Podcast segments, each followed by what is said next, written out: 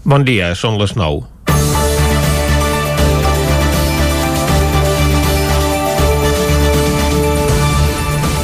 Catalunya viu immersa en els dos grans processos electorals que sacsegen el país, les eleccions al Parlament i les de la presidència del Futbol Club Barcelona, que coincideixen per primer cop en tres setmanes de diferència i sense que cap de les dues tinguin lloc en el moment que correspondria, ja que s'han hagut d'avançar abans que acabin els respectius mandats.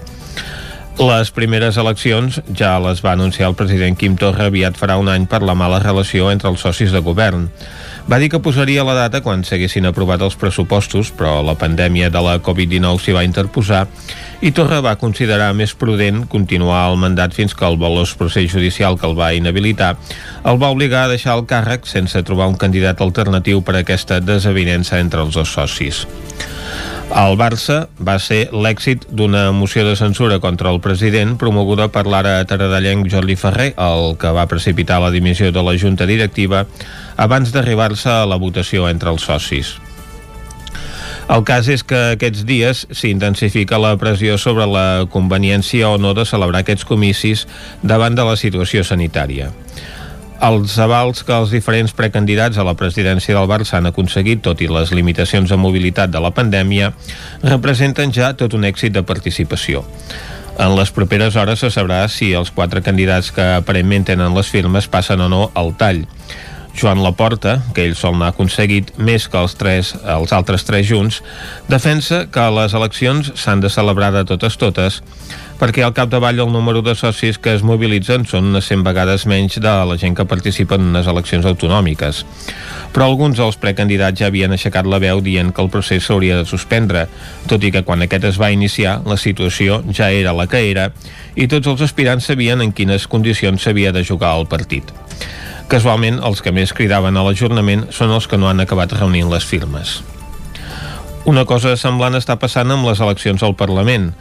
Tot i venir d'opcions polítiques contraposades, n'hi ha que ho consideren un risc que no es pot permetre i en demanen l'ajornament tenint en compte que hi ha més comunitats que estan endurint les restriccions. D'altres tenen un posicionament més tímid i qui ha sortit en tromba defensant les eleccions el 14 de febrer davant dels dubtes plantejats pel govern és el PSC.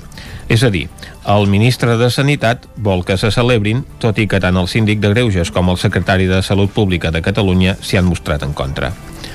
L'argumentari dels que defensen eleccions immediates en els dos casos és el mateix, que el club o la Generalitat no poden passar més temps aturats pel bé de la institució. Ara bé, convindria que en dos casos tothom actués amb responsabilitat i les decisions es prenguessin de forma consensuada i al marge dels interessos electorals. Comencem Territori 17 a la sintonia del 9 FM, Ona Corinenca, Ràdio Cardedeu, La Veu de Sant Joan i el 9 TV. Territori 17, amb Vicenç Vigues i Jordi Sunyer.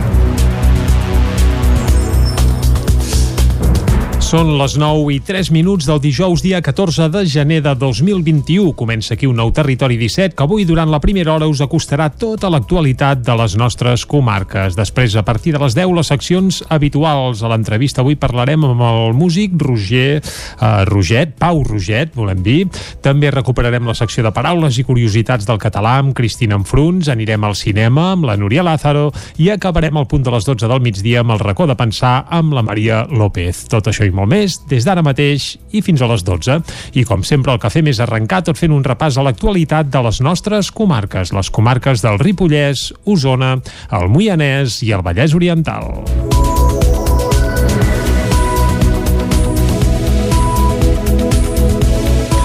El govern mantindrà una setmana més les restriccions que hi ha vigents a tot Catalunya. Com ha pogut eh, saber TV3, fins diumenge dia 24 es prorroga el confinament municipal cada dia de la setmana i el tancament dels comerços no essencials al cap de setmana. Es donaran a conèixer més detalls a la roda de premsa prevista per aquest migdia posterior a la reunió del Procicat. La xifra d'ingressats als hospitals usonencs per Covid-19 augmenta per quarta setmana consecutiva. Dels 57 que hi havia la setmana passada s'ha passat a 71 ingressats actualment, un augment augment de 14 persones. A l'Hospital Universitari n'hi ha 34 amb positiu per coronavirus, 10 de les quals es troben a la unitat de cures intensives. Pel que fa a l'Hospital de la Santa Creu, actualment hi ha 37 pacients amb resultat positiu. L'Hospital Sant Jaume de Manlleu no té cap ingressat per Covid-19. La nota positiva és que en l'última setmana han baixat els nous ingressos, que han estat 39, mentre que la setmana anterior hi havien ingressat 66 persones. Pel que fa a les dades del Departament de Salut, el nombre de contagis a Osona ja ha superat els 12.000 des de l'inici de la pandèmia. D'aquestes, 540 persones han acabat morint, 8 de les quals en la darrera setmana. La xifra positiva és el ràpid augment de vacunats. Des de dimarts passat, quan va començar la vacunació, ja s'ha posat el vaccí a 2.510 persones entre els usuaris de les residències i el personal sanitari. La residència Els Saulons de Vigues ha vacunat aquest dimecres tots els residents i el 70% del, 75% del personal. Ha sigut la primera residència i institució del municipi que va iniciar la campanya de vacunacions. Caral Campàs, des d'Ona Codinenca. La residència als Saulons de Vigues i Riells ha vacunat el 100% dels seus residents i el 75% del personal. Joan Galiano, alcalde de Vigues i Riells, ha volgut destacar la bona gestió del centre. Ha sigut una residència que ha donat exemple en tot aquest procés. Eh, jo crec que és de les poques residències que des del principi de la pandèmia no ha registrat ni un sol cas positiu i sí que és veritat que la gestió que han fet ha estat brillant. La gerència i direcció de la residència van avançar-se als protocols del Departament de Salut, és a dir, que abans que es digués ja prenien la temperatura, ja no permetien que entrés cap treballador sense desinfectar-se rigorosament i ja restringien les visites. De fet, els Saulons es va confinar el 6 de març, nou dies abans que ho ordenés el Departament. La cooperativa Calandra, Cuidem Lluçanès, SCCL i la Fundació TAC Osona s'han unit per crear un projecte conjunt de desinfecció professional especialitzada per combatre la Covid-19. Han aconseguit una subvenció del Departament de Treball de la Generalitat i junts impulsaran un projecte que busca la màxima eficiència i viabilitat econòmica, així com la creació de nous llocs de treball. Les tres empreses que treballen en l'economia social i solidària oferint diferents serveis han dissenyat conjuntament un programa de formació perquè els seus treballadors adquireixin els coneixements necessaris per a aquesta desinfecció especialitzada arran de la pandèmia pandèmia, les tres empreses es van adaptar i especialitzar de forma ràpida per continuar oferint els seus serveis de neteja en bugaderia, establiments, espais comunitaris, empreses, domicilis o allotjaments. Ara, però, fan un pas més. L'Ajuntament de Vic destina 200.000 euros més a ajuts directes per comerços i establiments que han hagut de tancar a causa de les restriccions decretades per la pandèmia de coronavirus. Els 200.000 euros provenen d'una modificació de pressupost que el ple aprovava dilluns. Els ajuts són per botigues i establiments com gimnasos o centres d'estètica. El punt va prosperar al ple amb els vots a favor de l'equip de govern Esquerra i el PSC. Capgirem Vic es va abstenir. El grup va dir que veuen bé els ajuts, però que troben a faltar un seguiment de quin tipus de despeses es destinen aquests diners, si són per mantenir el personal o bé es destinen a pagaments de lloguers o serveis que acaben beneficiant a grans companyies, bancs o grans tenidors. Bet Piella és la regidora de Promoció Econòmica, Ocupació i Comerç de l'Ajuntament de Vic i Pere Freixa, regidor de Capgirem seran uns ajuts que seran pels comerços de dins la trama urbana, com a la primera edició, i també en aquesta ocasió pels comerços i establiments de fora de la trama urbana, que vol dir els polígons, restaurants, gimnasos, centres d'estètica i tots aquests que van estar obligats a tancar. Es vol ajudar el petit comerç i a qui s'ha vist afectat pel tancament, cosa que tots els que estem aquí no tinc dubte que, que compartim, sense concretar l'objectiu ni poder saber quins efectes té aquesta ajuda, ni tampoc gravar més a qui més té per treure'n els recursos, no ens sembla suficient ni, ni adequat. Aquesta és la segona convocatòria de subvencions pel sector comercial que fa des de l'inici de la pandèmia al consistori biguetà. Les alcaldies de Llanàs i Set Cases veuen polèmica l'elecció de la nova presidenta del Consorci d'Espais d'Interès Naturals del Ripollès. Isaac Muntades, des de la veu de Sant Joan. La presidència del Consorci d'Espais d'Interès Natural del Ripollès, l'entitat que sorgeix de la necessitat dels ajuntaments de la comarca per portar a terme una gestió més eficient dels boscos públics i dels seus espais d'interès natural, va portar una petita polèmica en el ple del Consell d'Alcaldes. L'alcalde de Llanàs, Amadeu Rossell d'Esquerra, va mostrar-se en desacord de com s'havia anomenat la nova presidenta, Mònica Sant Jaume de Junts per Catalunya, Catalunya en substitució d'Imma Constants, que va haver de plegar per malaltia. Així ho verbalitzava Rossell. Una decisió absolutament partidista, que és com tot el que fa el Consell Comarcal. Jo vull recomarcar una mica la història d'això. Resulta que hi havia una persona que estava interessada en fer de presidenta, un cop la Imma el va haver de deixar-ho, que era l'alcaldessa de Set Cases. L'alcaldessa de Cases va trucar amb uns quants alcaldes, entre els quals era jo, i va informar de que volia assumir la presidència perquè es veia amb capacitat, perquè li interessava, perquè tenia una part de, del parc també i estava molt interessada en aquest tema. Fins que va arribar al Consell Comarcal i llavors, amb una actuació partidista, segons dedueixo, es va mirar de que fos la presidenta una persona, doncs, diguéssim, de la seva corda. Rossell va aclarir que li estava bé l'elecció de Sant Jaume, però deia que no tenia el mateix interès pel Seim. Sant Jaume va dir que tenia moltes ganes tirar endavant els projectes dissenyats en els darrers anys i que va tenir interès en el Seim des del primer minut i que en canvi no hi ha cap interès partidista ni polític. En canvi, l'altre candidat a la presidència i que havia estat vicepresidenta del Seim en l'anterior mandat va dir-li que hi veia cert caire electoralista i que ella tenia cert avantatge per ostentar la presidència. Que estàvem en igualtats de condicions. Jo crec recordar els estatuts que té una certa preferència que és que estan en vicepresidència que puguin optar a la presidència. Per això també vaig pensar que, a part de que és un tema que m'agrada i que volia defensar el territori, la comarca i sobretot la forest, que crec que al ser una comarca principalment forestal també eh, li falta molta explotació en aquest tema, doncs eh, per això m'hi vaig presentar, eh, més que em caire electoralista. Tot i això, Vila va dir-li que la seva candidatura havia estat legítima i va desitjar-li tota la sort del món. Llinars del Vallès participa a la segona àgora empresarial del Baix Montseny. David Auladell, de Ràdio Televisió, Cardedeu. L'acte serà en línia el proper 25 de gener i donarà continuïtat a la primera Agora Empresarial de novembre de 2019.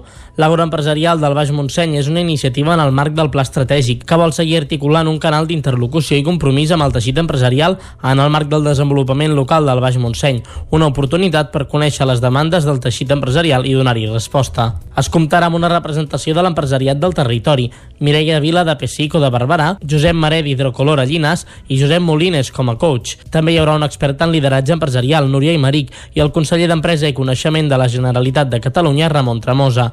L'objectiu de l'Àgora Baix Montseny és presentar la feina feta al llarg del 2020 i recollir les demandes d'accions a emprendre pel 2021. Tots aquells que vulguin participar-hi ho poden fer a través del web de l'Ajuntament de Llinars. Camprodon tindrà un agent cívic i l'oposició creu que abans s'hauria d'haver fet una diagnosi dels problemes de la vila.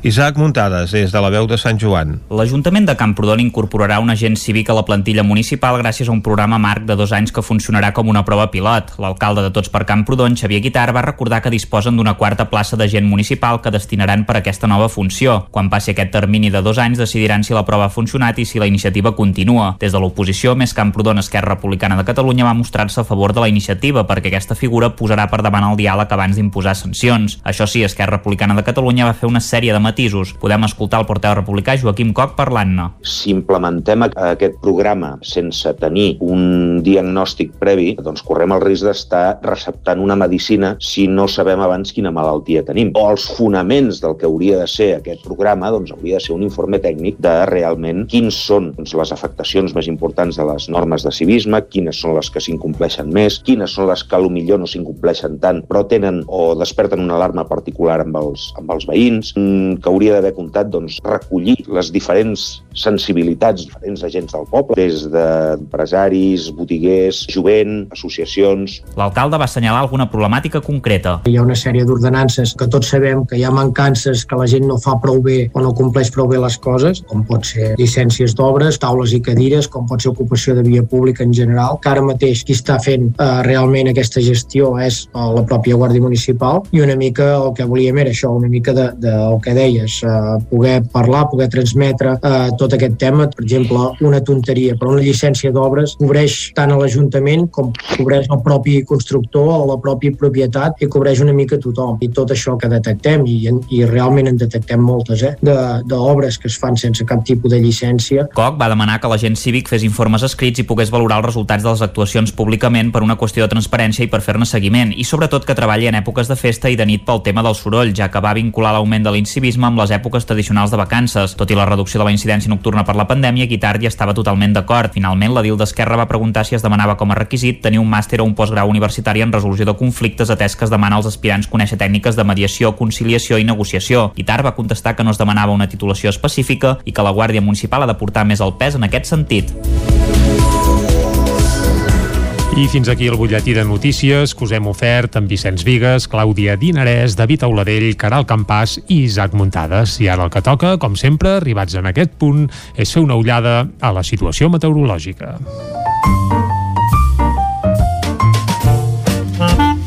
Casa Terradellos us ofereix el temps. I per parlar del temps, aquí a Territori 17 parlem sempre amb el Pep Acosta, qui ja saludem ara mateix. Molt bon dia, Pep. Hola, bon dia a tothom. Bon dia, bon dia. Què tal esteu? Anar fent... Ja som dijous, ja Correcte. falta poc per acabar diríem la primera setmana laboral sencera mm. -hmm. d'aquest 2021.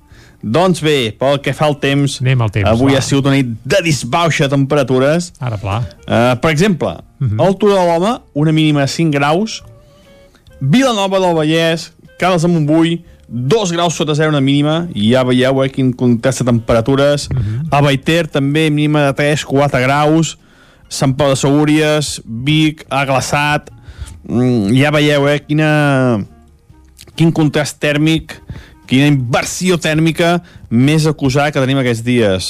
No està entrant aire fred a les capes altes i tota, tot el fred que teníem acumulat es va dipositant, es va dipositant a les valls i a les zones baixes. Eh, Com sempre diem, l'aire fred pesa més i està baixant, està dipositat a les zones més baixes.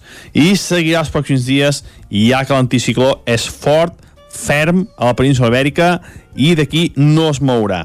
Però tenim algun petit matís que ara aviat us explicaré. Aviam. De moment, cel molt serè, alguna boira, núvols prims, molt poca cosa, mm -hmm. vents bastant fluixos, mm, en direcció est-oest, eh, variables, no tenim grans, grans moviments meteorològics ni grans ingredients meteorològics que siguin destacables.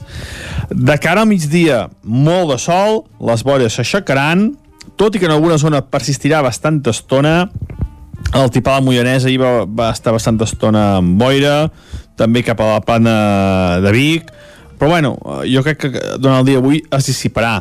Les temperatures màximes, ahir 8 graus a Vic, 12 graus a Montbui, avui seran molt semblants, només he dit aquests dos exemples només, avui seran molt semblants o eh, baixaran una mica. Mm, no tindrem tantes poblacions que passin aquests 10 graus, sobretot al prelitoral no tindrem tantes, i seran les temperatures una mica més baixes.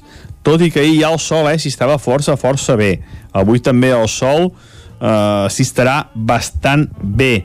Millor, De millor. cara a l'última hora del dia, és aquest petit matís que us volia dir, uh -huh. uh, passa una, una cua del front pel Pirineu, una, molt poca cosa, lliscarà només el Pirineu, i ja, eh, com deia, a l'última hora del dia s'incrementaran els núvols, tot cap al nord del, al nord del Ripollès, i entrarà el vent. Vent del nord serà bastant destacable, als cims del Pirineu, 60, 70, 80 km per hora, i aquest vent de nord farà que la temperatura baixi. De cara als pròxims dies no hi haurà tanta inversió tèrmica ja que entrarà això, eh? entrarà vent de nord i farà que la temperatura baixi una mica, sobretot a alta muntanya. I això és tot. Uh, ja veieu que aquests dies tenim, un, després de, de tot el Nadal i de la perturbació filomena, tenim uns dies bastant tranquils. Veurem si es poden animar a partir del setmana que ve, que sembla que els mapes sí que diuen que hi haurà més moviment meteorològic. Moltes gràcies i fins demà. Adéu. Doncs vinga, Pep, moltes gràcies a tu i estarem al cas de, bé, aquests auguris que ens fas de cara a la setmana que ve, que sembla que pot tornar a haver-hi moviment. Esperem que no arribi una altra filomena i que en tot cas sigui un moviment una mica més, més suau i que no porti estralls ni afectacions importants. Però vaja, ho anirem seguint aquí a Territori 17. Tanquem ara la informació meteorològica i anem de seguida cap al quiosc per conèixer què diuen les portades de la premsa avui. Anem-hi. Casa Tarradellas us ha ofert aquest espai. Territori 17. Envia'ns les teves notes de veu per WhatsApp al 646 079 023. 646 079 023. WhatsApp Territori 17.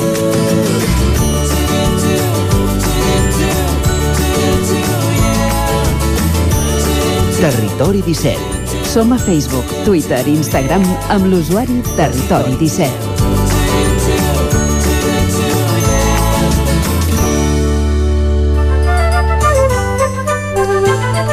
Arriba l'hora de visitar el quiosc i de veure què treuen en portada els diaris d'avui, Clàudia. Bon dia de nou, comencem com sempre amb el punt avui que parla del rei que diu salvat pel Partit Socialista.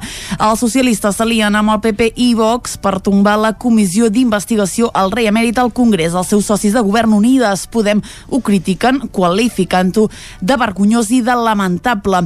A la imatge, indicadors desbocats per segon dia consecutiu. Argimon defensa que les mesures restrictives s'han d'allargar més dies i el govern decidirà Avui també parla del 14F, diu gairebé sentenciat la possibilitat d'ajornar les eleccions a prop de després que més partits s'hi han pronunciat a favor. El PSC és pràcticament l'única formació que insisteix a mantenir la data acordada. Anem al diari ara que diu que cap eleccions al maig el govern es decanta per un endarriment que veuen lògic tots els partits menys el Partit Socialista, Argimon i el síndic consideren que la situació pandèmica fa necessari posposar als comicis.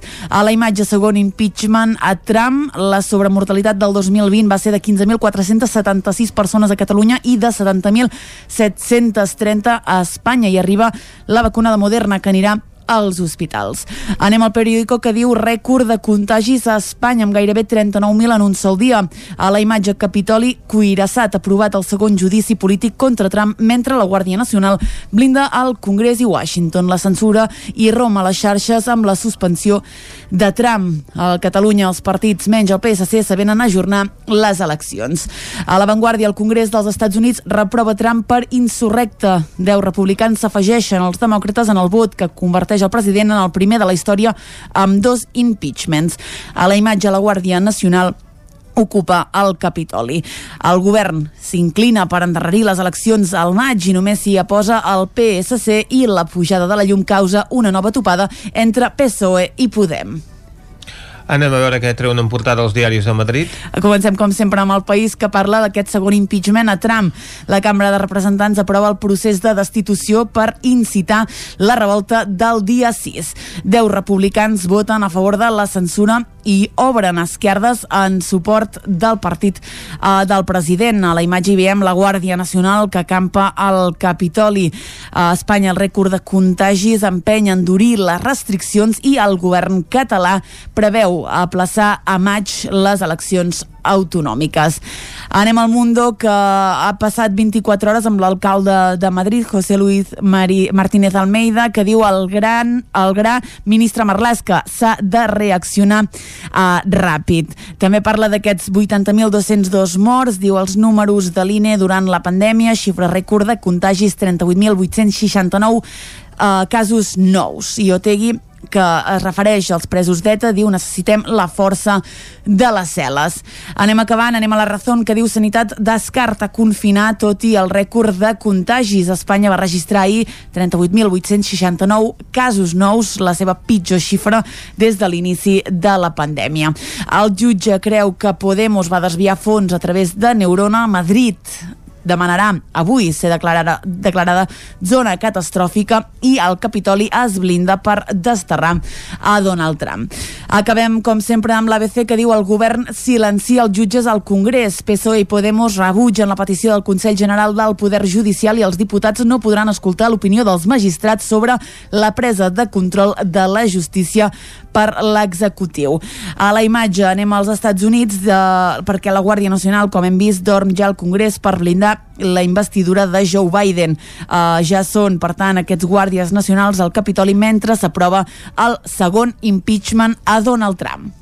Tornem a veure imatges de la Guàrdia Nacional al Capitoli de Washington en els eh, diaris d'avui. Ja fa dies que s'hi refereixen en les seves portades. En aquesta ocasió, però, la imatge que ofereixen els diaris és de l'interior del recinte amb els soldats estesos a terra en molts dels casos. Són imatges que veiem a les portades del País, de l'ABC, de l'Ara, del Periódico, de La Vanguardia. Pràcticament hi ha unanimitat. Uh -huh. També la Razón, si refereix en la seva fotografia de portada a aquest tema, si bé en aquest cas escull una imatge exterior.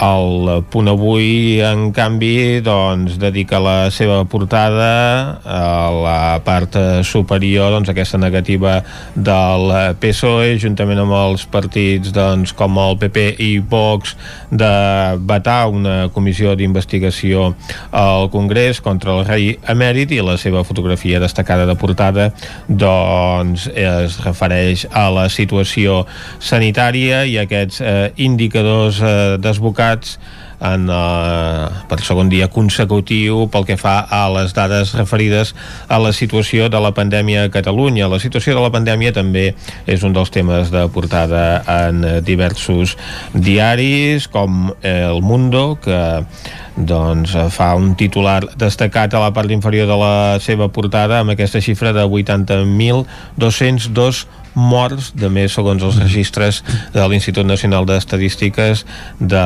l'any passat. I també en aquest diari la seva fotografia de portada és discordant amb la resta dels diaris publicats avui perquè apareix una fotografia de l'alcalde de Madrid, del Dontegat de l'Ajuntament on es veu una imatge aèria de la ciutat que per cert té més neu als carrers que no pas a les taulades. I, Bé, la, la de les taulades ja es deu haver anat fonent amb les calderes i ara és, és tot els carrers.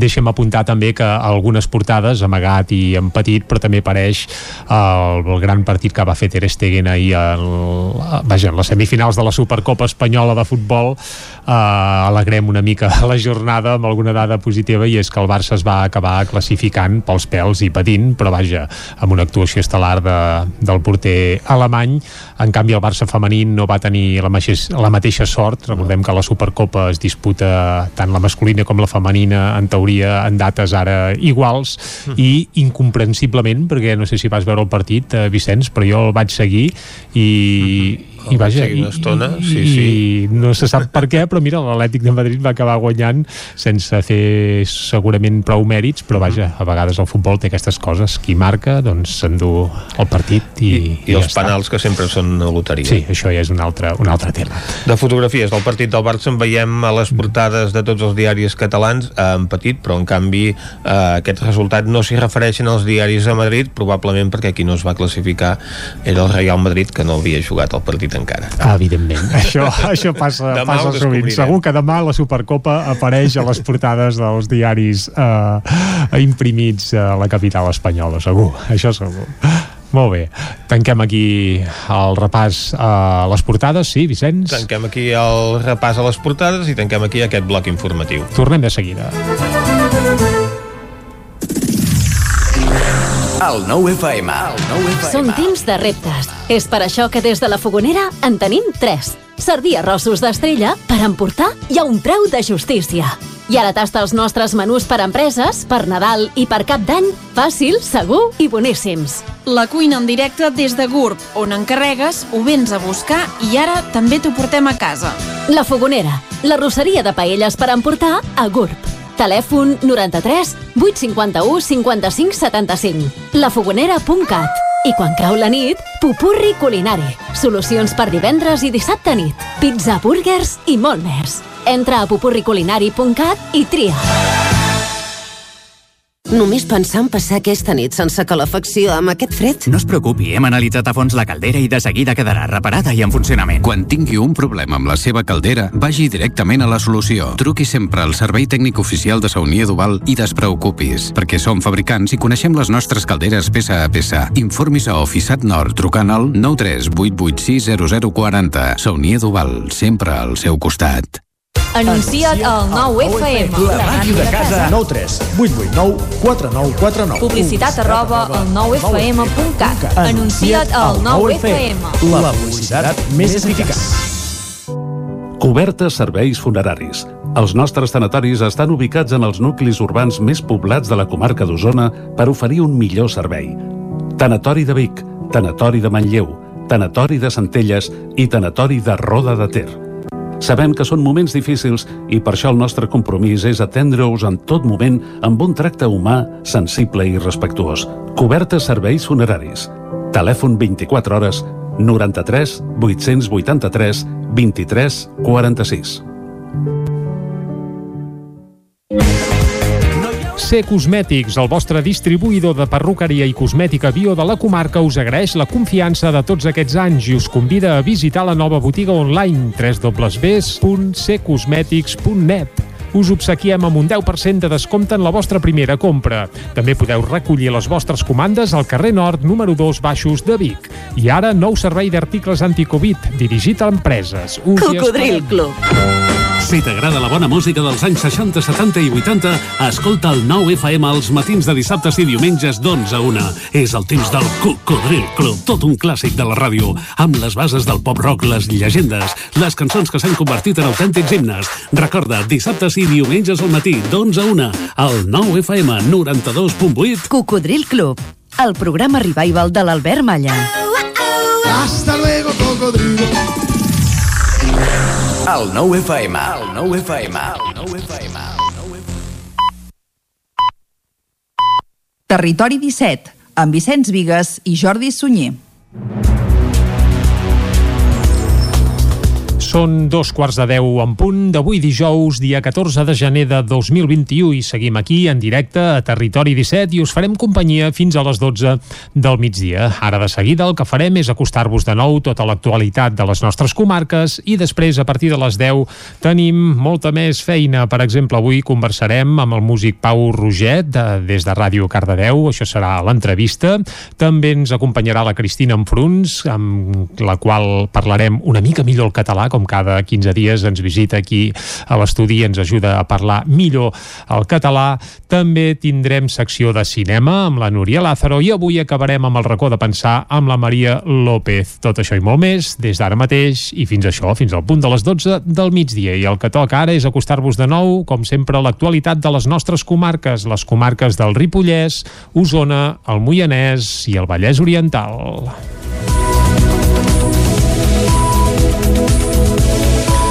El govern mantindrà una setmana més les restriccions que hi ha vigents a tot Catalunya. Com ha pogut eh, saber, TV3 fins diumenge dia 24 es prorroga el confinament municipal cada dia de la setmana i el tancament dels comerços no essencials al cap de setmana. Es donaran a conèixer més detalls a la roda de premsa prevista per aquest migdia posterior a la reunió del Procicat. La xifra d'ingressats als hospitals usonencs per Covid-19 augmenta per quarta setmana consecutiva. Dels 57 que hi havia la setmana passada s'ha passat a 71 ingressats actualment, un augment de 14 persones a l'Hospital Universitari. N'hi ha 34 amb positiu per coronavirus, 10 de les quals es troben a la unitat de cures intensives. Pel que fa a l'Hospital de la Santa Creu, actualment hi ha 37 pacients amb resultat positiu. L'Hospital Sant Jaume de Manlleu no té cap ingressat per Covid-19. La nota positiva és que en l'última setmana han baixat els nous ingressos, que han estat 39, mentre que la setmana anterior hi havien ingressat 66 persones. Pel que fa a les dades del Departament de Salut, el nombre de contagis a Osona ja ha superat els 12.000 des de l'inici de la pandèmia. D'aquestes, 540 persones han acabat morint, 8 de les quals en la darrera setmana. La xifra positiva és el ràpid augment de vacunats. Des de dimarts passat, quan va començar la vacunació, ja s'ha posat el vaccí a 2.510 persones entre els usuaris de les residències i el personal sanitari. La residència Els Saulons de Vigues ha vacunat aquest dimecres tots els residents i el 70% del, per- 75% del personal. Ha sigut la primera residència i institució del municipi que va iniciar la campanya de vacunacions. Caral Campàs, des d'Ona Codinenca. La residència als Saulons de Vigues i Riells ha vacunat el 100% dels seus residents i el 75% del personal. Joan Galeano, alcalde de Vigues i Riells, ha volgut destacar la bona gestió del centre. que ha sigut una residència que ha donat exemple en tot aquest procés. Eh, jo crec que és de les poques residències que des del principi de la pandèmia no ha registrat ni un sol cas positiu i sí que és veritat que la gestió que han fet ha estat brillant. La gerència i direcció de la residència van avançar-se als protocols del Departament de Salut, és a dir, que abans que es digués ja prenien la temperatura, ja no permetien que entrés cap treballador sense desinfectar-se rigorosament i ja restringien les visites. De fet, els Saulons es va confinar el 6 de març, nou dies abans que ho ordenés el departament. La cooperativa Calandra, Cuidem Lluçanès, SCCL i la Fundació TAC Osona s'han unit per crear un projecte conjunt de desinfecció professional especialitzada per combatre la Covid-19. Han aconseguit una subvenció del Departament de Treball de la Generalitat i junts impulsaran un projecte que busca la màxima eficiència i viabilitat econòmica, així com la creació de nous llocs de treball. Les tres empreses que treballen en l'economia social i solidària oferint diferents serveis han dissenyat conjuntament un programa de formació perquè els seus treballadors adquireixin els coneixements necessaris per a aquesta desinfecció especialitzada arran de la pandèmia. Les tres empreses es van adaptar i especialitzar de forma ràpida per continuar oferint els seus serveis de neteja en bugaderia, establiments, espais comunitaris, empreses, domicilis o allotjaments. Ara, però, fan un pas més. L'Ajuntament de Vic destina 200.000 euros més a ajuts directes per comerços i establiments que han hagut de tancar a causa de les restriccions decretades per la pandèmia de coronavirus. Els 200.000 euros provenen d'una modificació de pressupost que el ple aprovava dilluns. Els ajuts són per botigues i establiments com gimnasos o centres d'estètica. El punt va prosperar al ple amb els vots a favor de l'equip de govern Esquerra i el PSC. Capgirem Vic es va abstenir. El grup va dir que veuen bé els ajuts, però que troben a faltar un seguiment de quin tipus de despeses es destinen aquests diners, si són per mantenir el personal o bé es destinen a pagaments de lloguers o serveis que acaben beneficiant a grans companyies, bancs o grans tenidors. Bet Piella és la regidora de Promoció Econòmica, Ocupació i Comerç de l'Ajuntament de Vic i Pere Freixa, regidor de Capgirem. Seran uns ajuts que seran pels comerços de dins la trama urbana, com a la primera edició, i també en aquesta ocasió pels comerços i establiments de fora de la trama urbana, que vol dir els polígons, restaurants, gimnasos, centres d'estètica i tots aquests que van estar obligats a tancar. Es vol ajudar al petit comerç i a qui s'ha vist afectat pel tancament, cosa que tots els que estem aquí no tinc dubte que, que compartim, sense concretar l'objectiu ni poder saber quins efectes té aquesta ajuda, ni tampoc gravar més a qui més té per treure'n els recursos, no ens sembla suficient ni, ni adequat. Aquesta és la segona convocatòria de subvencions pel sector comercial que fa des de l'inici de la pandèmia al consistori biguetà. Les alcaldies de Llanàs i Set Cases veuen polèmica l'elecció de la nova presidenta del Consorci d'Espais d'Interès Naturals del Ripollès. Isaac Muntades, des de la veu de Sant Joan. La presidència del Consorci d'Espais d'Interès Natural del Ripollès, l'entitat que sorgeix de la necessitat dels ajuntaments de la comarca per portar a terme una gestió més eficient dels boscos públics i dels seus espais d'interès natural, va portar una petita polèmica en el ple del Consell d'Alcaldes. L'alcalde de Llanàs, Amadeu Rossell d'Esquerra, va mostrar-se en desacord de com s'havia anomenat la nova presidenta, Mònica Sant Jaume, de Junts per Catalunya, en substitució d'Imma Constants, que va haver de plegar per malaltia. Així ho verbalitzava Rossell. Una decisió absolutament partidista, que és com tot el que fa el Consell Comarcal. Jo vull recomarcar una mica la història d'això. Resulta que hi havia una persona que estava interessada en fer de presidenta, un cop la Imma el va haver de deixar-ho, que era l'alcaldessa de Set Cases. L'alcaldessa de Cases va trucar amb uns quants alcaldes, entre els quals era jo, i va informar de que volia assumir la presidència perquè es veia amb capacitat, perquè li interessava, perquè tenia una part de, del parc també i estava molt interessada en aquest tema. Fins que va arribar al Consell Comarcal i llavors, amb una actuació partidista, segons dedueixo, es va mirar de que fos la presidenta una persona, doncs, diguéssim, de la seva corda. Rossell va aclarir que li estava bé l'elecció de Sant Jaume, però deia que no tenia el mateix interès pel Seim. Sant Jaume va dir que tenia moltes ganes de tirar endavant els projectes dissenyats en els darrers anys i que va tenir interès en el Seim des del primer minut i que, en canvi, no hi ha cap interès partidista ni polític. En canvi, l'altre candidat a la presidència i que havia estat vicepresidenta del Seim en l'anterior mandat va dir-li que hi veia cert caire electoralista i que ella tenia cert avantatge per ostentar la presidència. Que estàvem en igualtats de condicions. Jo crec recordar els estatuts que té una certa preferència que és que estan en vicepresidència que puguin optar a la presidència. Per això també vaig pensar que, a part de que és un tema que m'agrada i que volia defensar el territori, la comarca i sobretot la forest, que crec que al ser una comarca principalment forestal també eh, li falta molta explotació en aquest tema, doncs eh, per això m'hi vaig presentar, eh, més que em caire electoralista. Tot i això, Vila va dir-li que la seva candidatura havia estat legítima i va desitjar-li tota la sort del món. Llinars del Vallès participa a la segona àgora empresarial del Baix Montseny. David Auladell, de Ràdio Televisió, Cardedeu. L'acte serà en línia el proper 25 de gener i donarà continuïtat a la primera Àgora Empresarial de novembre de 2019. L'Àgora Empresarial del Baix Montseny és una iniciativa en el marc del Pla Estratègic que vol seguir articulant un canal d'interlocució i compromís amb el teixit empresarial en el marc del desenvolupament local del Baix Montseny, una oportunitat per conèixer les demandes del teixit empresarial i donar-hi resposta. Es comptarà amb una representació de l'empresariat del territori, Mireia Vila de Pessico de Barberà, Josep Maret d'Hidrocolor a Llinas i Josep Molines com a coach. També hi haurà un expert en lideratge empresarial, Núria Imeric, i el conseller d'Empresa i Coneixement de la Generalitat de Catalunya, Ramon Tremosa. L'objectiu de l'Àgora Baix Montseny és presentar la feina feta al llarg del 2020 i recollir les demandes d'accions a emprendre pel 2021. Tots aquells que vulguin participar-hi ho poden fer a través del web de l'Ajuntament de Llinars. Camprodon tindrà un agent cívic i l'oposició creu que abans s'hauria d'haver fet una diagnosi dels problemes a la vila.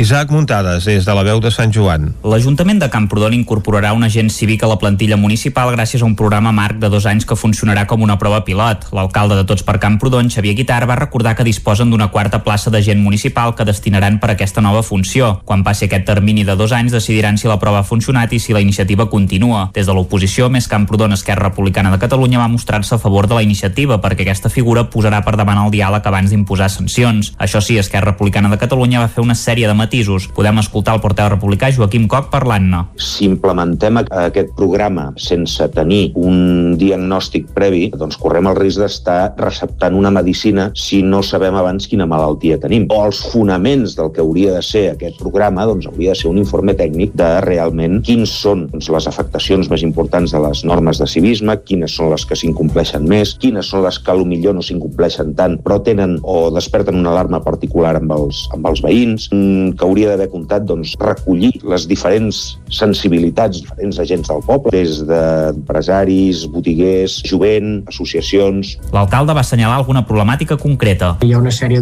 d'ordenances que tots sabem que hi ha mancances, que la gent no fa prou bé o no compleix prou bé les coses, com pot ser llicències d'obres, taules i cadires, com pot ser ocupació de via pública en general, que ara mateix qui està fent eh, realment aquesta gestió és eh, la pròpia Guàrdia Municipal i una mica el que volíem era això, una mica de, de el que deies, eh, poder parlar, poder transmetre eh, tot aquest tema. Per exemple, una tonteria, però una llicència d'obres cobreix tant a l'Ajuntament com cobreix el propi constructor o la pròpia propietat i cobreix una mica tothom. I tot això que detectem, i, i realment en detectem moltes, eh, d'obres que es fan sense cap tipus de llicència. Coc va demanar que l'agent cívic fes informes escrits i pogués valorar els resultats de les actuacions públicament per una qüestió de transparència i per fer-ne seguiment, i sobretot que treballi en èpoques de festa i de nit pel tema del soroll, ja que va vincular l'augment de l'incivisme amb les èpoques tradicionals de vacances. Tot i la reducció de la incidència nocturna per la pandèmia, Guitart hi estava totalment d'acord. Finalment, la DIL d'Esquerra va preguntar si es demanava com a requisit tenir un màster o un postgrau universitari en resolució de conflictes atès que es demana als aspirants conèixer tècniques de mediació, conciliació i negociació. Guitart va contestar que no es demanava una titulació específica i que la Guàrdia Municipal ha de portar més el pes en aquest sentit. I fins aquí el butlletí de notícies que us hem ofert amb Vicenç Vigues, Clàudia Dinarès, David Auladell, Caral Campàs i Isaac Muntades. I ara el que toca, com sempre, arribats en aquest punt, és fer una ullada a la situació meteorològica.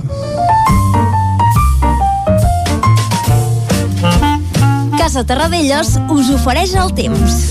I per parlar del temps, aquí a Territori 17 parlem sempre amb el Pep Acosta, qui ja saludem ara mateix. Molt bon dia, Pep. Hola, bon dia a tothom. Bon dia, bon dia. Què tal esteu? Anar fent... Ja som dijous, ja Correcte. falta poc per acabar diríem la primera setmana laboral sencera mm -hmm. d'aquest 2021.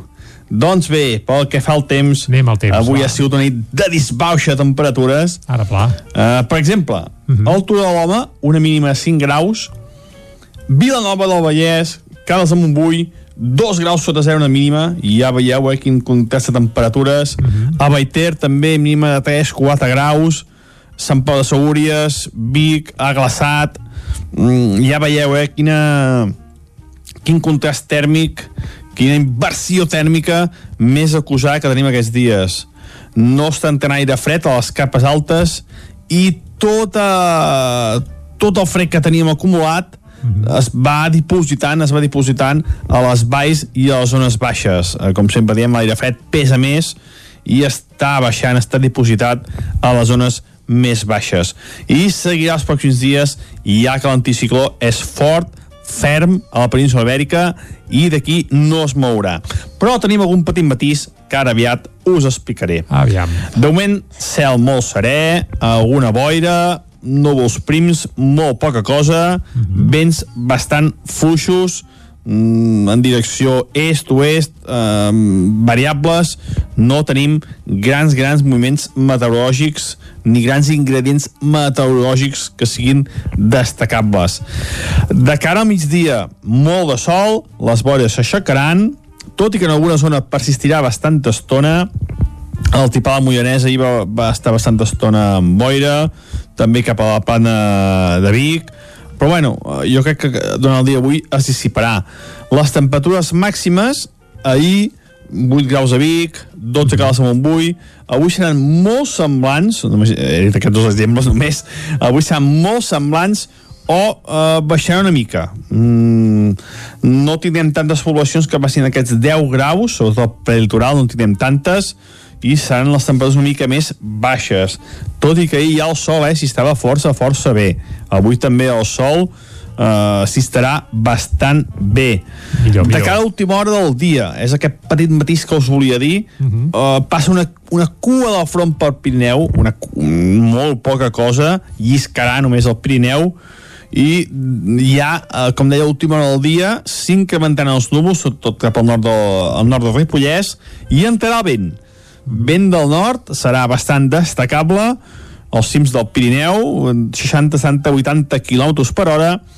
I aquest vent de nord farà que la temperatura baixi. De cara als pocs dies no hi haurà tanta inversió tèrmica ja cantarà això, eh? entrarà vent de nord i farà que la temperatura baixi una mica, sobretot a alta muntanya. I això és tot, eh, ja veieu que aquests dies tenim un, després de, de tot el Nadal i de la perturbació filomena tenim uns dies bastant tranquils. Veurem si es poden animar a partir del setmana que ve que sembla que els mapes sí que diuen que hi haurà més moment meteorològic. Moltes gràcies i fins demà. Adeu doncs vinga Pep, moltes gràcies a tu i estarem al cas de bé, aquests auguris que ens fas de cara a la setmana que ve que sembla que pot tornar a haver-hi moviment. Esperem que no arribi una altra filomena i que en tot cas sigui un moviment una mica més, més suau i que no porti estralls ni afectacions importants. Però vaja, ho anirem seguint aquí a Territori 17, tanquem ara la informació meteorològica i anem de seguida cap al quiosc per conèixer què diuen les portades de la premsa avui. Anem-hi.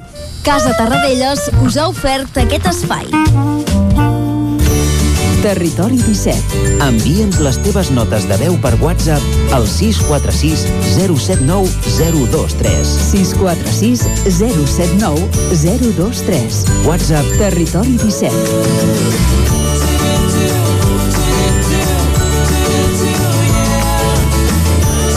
Territori 17. Som a Facebook, Twitter i Instagram amb l'usuari Territori 17.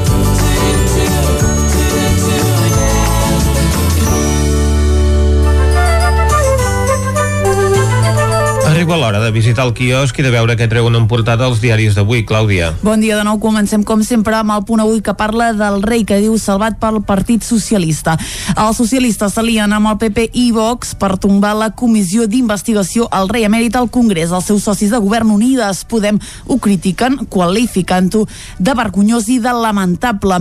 A la imatge indicadors desbocats per segon dia consecutiu. Argimon defensa que les mesures restrictives s'han d'allargar més dies i el govern decidirà Avui també parla del 14F, diu gairebé sentenciat la possibilitat d'ajornar les eleccions a prop de després que més partits s'hi han pronunciat a favor. El PSC és pràcticament l'única formació que insisteix a mantenir la data acordada. Anem al diari ara que diu cap eleccions al maig. El govern es decanta per un endarriment que veuen lògic tots els partits menys el Partit Socialista. Argimon i el síndic consideren que la situació pandèmica fa necessari posposar als comicis. A la imatge segon impeachment a Trump, la sobremortalitat del 2020 va ser de 15.476 persones a Catalunya i de 70.730 a Espanya i arriba la vacuna de Moderna que anirà als hospitals.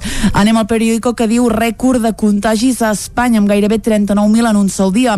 A la imatge Capitoli, Cuirassat aprovat el segon judici polític contra Trump mentre la Guàrdia Nacional blinda al Congrés i Washington. La censura i Roma les xarxes amb la suspensió de Trump. A Catalunya els partits menys el PSC s'avenen a ajornar les eleccions. A l'avantguàrdia, el Congrés dels Estats Units reprova Trump per insurrecte. Deu republicans s'afegeixen als demòcrates en el vot que converteix converteix el president en el primer de la història amb dos impeachments. A la imatge, la Guàrdia Nacional ocupa el Capitoli. El govern s'inclina per endarrerir les eleccions al maig i només s'hi aposa el PSC i la pujada de la llum causa una nova topada entre PSOE i Podem. Anem a veure què treuen en portada els diaris de Madrid. Comencem, com sempre, amb el país que parla d'aquest segon impeachment a Trump. La Cambra de Representants aprova el procés de destitució per incitar la revolta del dia 6. Deu republicans voten a favor de la censura i obren esquerdes en suport del partit eh, del president. A la imatge hi veiem la Guàrdia Nacional que acampa al Capitoli. A Espanya el rècord de contagis empeny a endurir les restriccions i el govern català preveu aplaçar a maig les eleccions autonòmiques. Anem al Mundo que ha passat 24 hores amb l'alcalde de Madrid, José Luis Mari Martínez Almeida, que diu al gran, al gra ministre Marlès que s'ha de reaccionar uh, ràpid.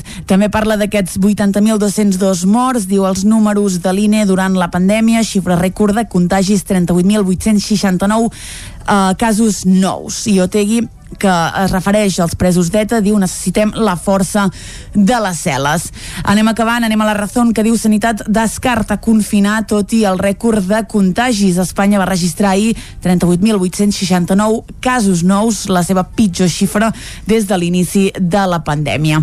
El jutge creu que Podemos va desviar fons a través de Neurona a Madrid demanarà avui ser declarada, declarada zona catastròfica i el Capitoli es blinda per desterrar a Donald Trump. Acabem, com sempre, amb l'ABC que diu el govern silencia els jutges al Congrés. PSOE i Podemos rebutgen la petició del Consell General del Poder Judicial i els diputats no podran escoltar l'opinió dels magistrats sobre la presa de control de la justícia per l'executiu. A la imatge anem als Estats Units de, perquè la Guàrdia Nacional, com hem vist, dorm ja al Congrés per blindar la investidura de Joe Biden. Uh, ja són, per tant, aquests guàrdies nacionals al Capitoli mentre s'aprova el segon impeachment a Donald Trump. Tornem a veure imatges de la Guàrdia Nacional al Capitoli de Washington en els diaris d'avui. Ja fa dies que s'hi refereixen en les seves portades. En aquesta ocasió, però, la imatge que ofereixen els diaris és de l'interior del recinte amb els soldats estesos a terra en molts dels casos. Són imatges que veiem a les portades del País, de l'ABC, de l'Ara, del Periódico, de La Vanguardia. Pràcticament hi ha unanimitat. Uh -huh. També la Razón s'hi refereix en la seva fotografia de portada a aquest tema, si bé en aquest cas escull una imatge exterior. El punt avui, en canvi, doncs, dedica la seva portada a la part superior, doncs, aquesta negativa del PSOE, juntament amb els partits doncs, com el PP i Vox, de vetar una comissió d'investigació al Congrés contra el rei emèrit i la seva fotografia destacada de portada doncs, es refereix a la situació sanitària i aquests eh, indicadors eh, desbocats destacats en, eh, per segon dia consecutiu pel que fa a les dades referides a la situació de la pandèmia a Catalunya. La situació de la pandèmia també és un dels temes de portada en diversos diaris com El Mundo que doncs fa un titular destacat a la part inferior de la seva portada amb aquesta xifra de 80.202 morts de més segons els registres de l'Institut Nacional d'Estadístiques de l'any passat. I també en aquest diari la seva fotografia de portada és discordant amb la resta dels diaris publicats avui perquè apareix una fotografia de l'alcalde de Madrid, del Duntegat de l'Ajuntament on es veu una imatge aèria de la ciutat que per cert té més neu als carrers que no pas a les taulades. I, Bé, la, la de les taulades ja es deu haver anat fonent amb les calderes i ara és, és tot els carrers. Deixem apuntar també que algunes portades, amagat i en petit, però també apareix el, el gran partit que va fer Ter Stegen ahir el, vaja, en les semifinals de la Supercopa Espanyola de Futbol. Uh, alegrem una mica la jornada amb alguna dada positiva i és que el Barça es va acabar classificant pels pèls i patint, però vaja, amb una actuació estel·lar de, del porter alemany en canvi el Barça femení no va tenir la, mateixa, la mateixa sort recordem que la Supercopa es disputa tant la masculina com la femenina en teoria en dates ara iguals mm. i incomprensiblement perquè no sé si vas veure el partit eh, Vicenç però jo el vaig seguir i, mm. I vaja i, una estona, sí, sí. i no se sap per què però mira l'Atlètic de Madrid va acabar guanyant sense fer segurament prou mèrits però vaja, a vegades el futbol té aquestes coses. Qui marca doncs s'endú el partit i, i, i, i els penals que sempre són loteria. Sí, això ja és un altre, un altre tema. De fotografies del partit del Barça en veiem a les portades de tots els diaris catalans. Eh, en petit, però en canvi eh, aquest resultat no s'hi refereixen als diaris a Madrid, probablement perquè qui no es va classificar era el Real Madrid que no havia jugat el partit encara. Ah, evidentment, això, això passa, passa sovint, segur que demà la Supercopa apareix a les portades dels diaris eh, imprimits a la capital espanyola, segur, això segur molt bé. Tanquem aquí el repàs a les portades, sí, Vicenç? Tanquem aquí el repàs a les portades i tanquem aquí aquest bloc informatiu. Uh, I tanquem el, això, bloc informatiu i portades i obrim el bloc musical, Vicenç. Oh, tant. Uh, el bloc musical cada dia fins a arribar al punt de les 10 us acostem alguna cançó relacionada o no amb Territori 17 i avui, uh, com que teníem deures d'ahir, no sé si ho recordes, eh, Vicenç, que vam parlar des de Ràdio Cardedeu ens van informar d'un nou grup que hi ha precisament a Cardedeu, un grup de folk rock que uh -huh. es mhm. diuen Legendari o amb una L, eh? no llegendari sinó legendari, no sé com ho llegeixen o com ho diuen nosaltres els hi direm legendari, així a seques uh -huh. i eh, bàsicament s'han donat a conèixer amb un videoclip que ja es pot eh, veure a les xarxes és el seu primer videoclip, és d'una cançó que es diu Peregrí i la veritat és que el vídeo està molt i molt bé, per tant si podeu treure el cap feu-ho perquè està tot molt ben contextualitzat, sembla ben bé gravat a l'època medieval. Evidentment uh -huh. no hi havia càmeres eh, aquella època, però ja ens entenem. Vull dir que està, està força ben ambientat tot plegat. I eh, el grup, la veritat és que també sona molt, molt i molt bé. Això sí, és allò folk rock, aquell amb reminiscències, bé, uh, celtes. celtes, exacte, uh -huh. correcte, i, i fa gràcia. I per això el que hem triat avui és anar a buscar aquesta cançó, Peregrí, i bé, ara evidentment per la ràdio no veurem el videoclip però sí que podem escoltar la cançó i podem sentir com es patega aquest grup amb esperit això trobadoresc i sobretot amb unes lletres on barregen eh, temàtica històrica i llegendes medievals i la veritat és que ens transporten al passat i de tant en tant doncs també també té la seva, la seva gràcia. Uh, cal dir que per gravar el videoclip es van valer de l'ajuda dels acers trempats que és un grup de teatre de temàtica medieval de Sant Pere de, Vila, de Vilamajor, mm. que es dediquen a això, suposo, a mercats medievals i altres eh, esdeveniments d'aquestes característiques, molt ben vestits i ben, vaja, com si fossin de fa 400 o 500 anys, mm -hmm. i d'aquesta manera el videoclip doncs, de legendaris cola de sobres que la cosa és de fa uns quants anys. Evidentment, pel que fa so, eh, ja es nota que la cosa és més contemporània. Uh, va, ja estan sonant de fons, i si us sembla, Vicenç, fins al punt de les 10 ens quedem amb aquest eh, peregrí del grup Legendaris, aquest grup de folk rock de Cardedeu. Sí? Escoltem, doncs, aquesta música legendària. Doncs vinga, amb això arribarem fins a les 10 aquí a Territori 17. Fins ara. Saps molt bé que sense tu jo no sóc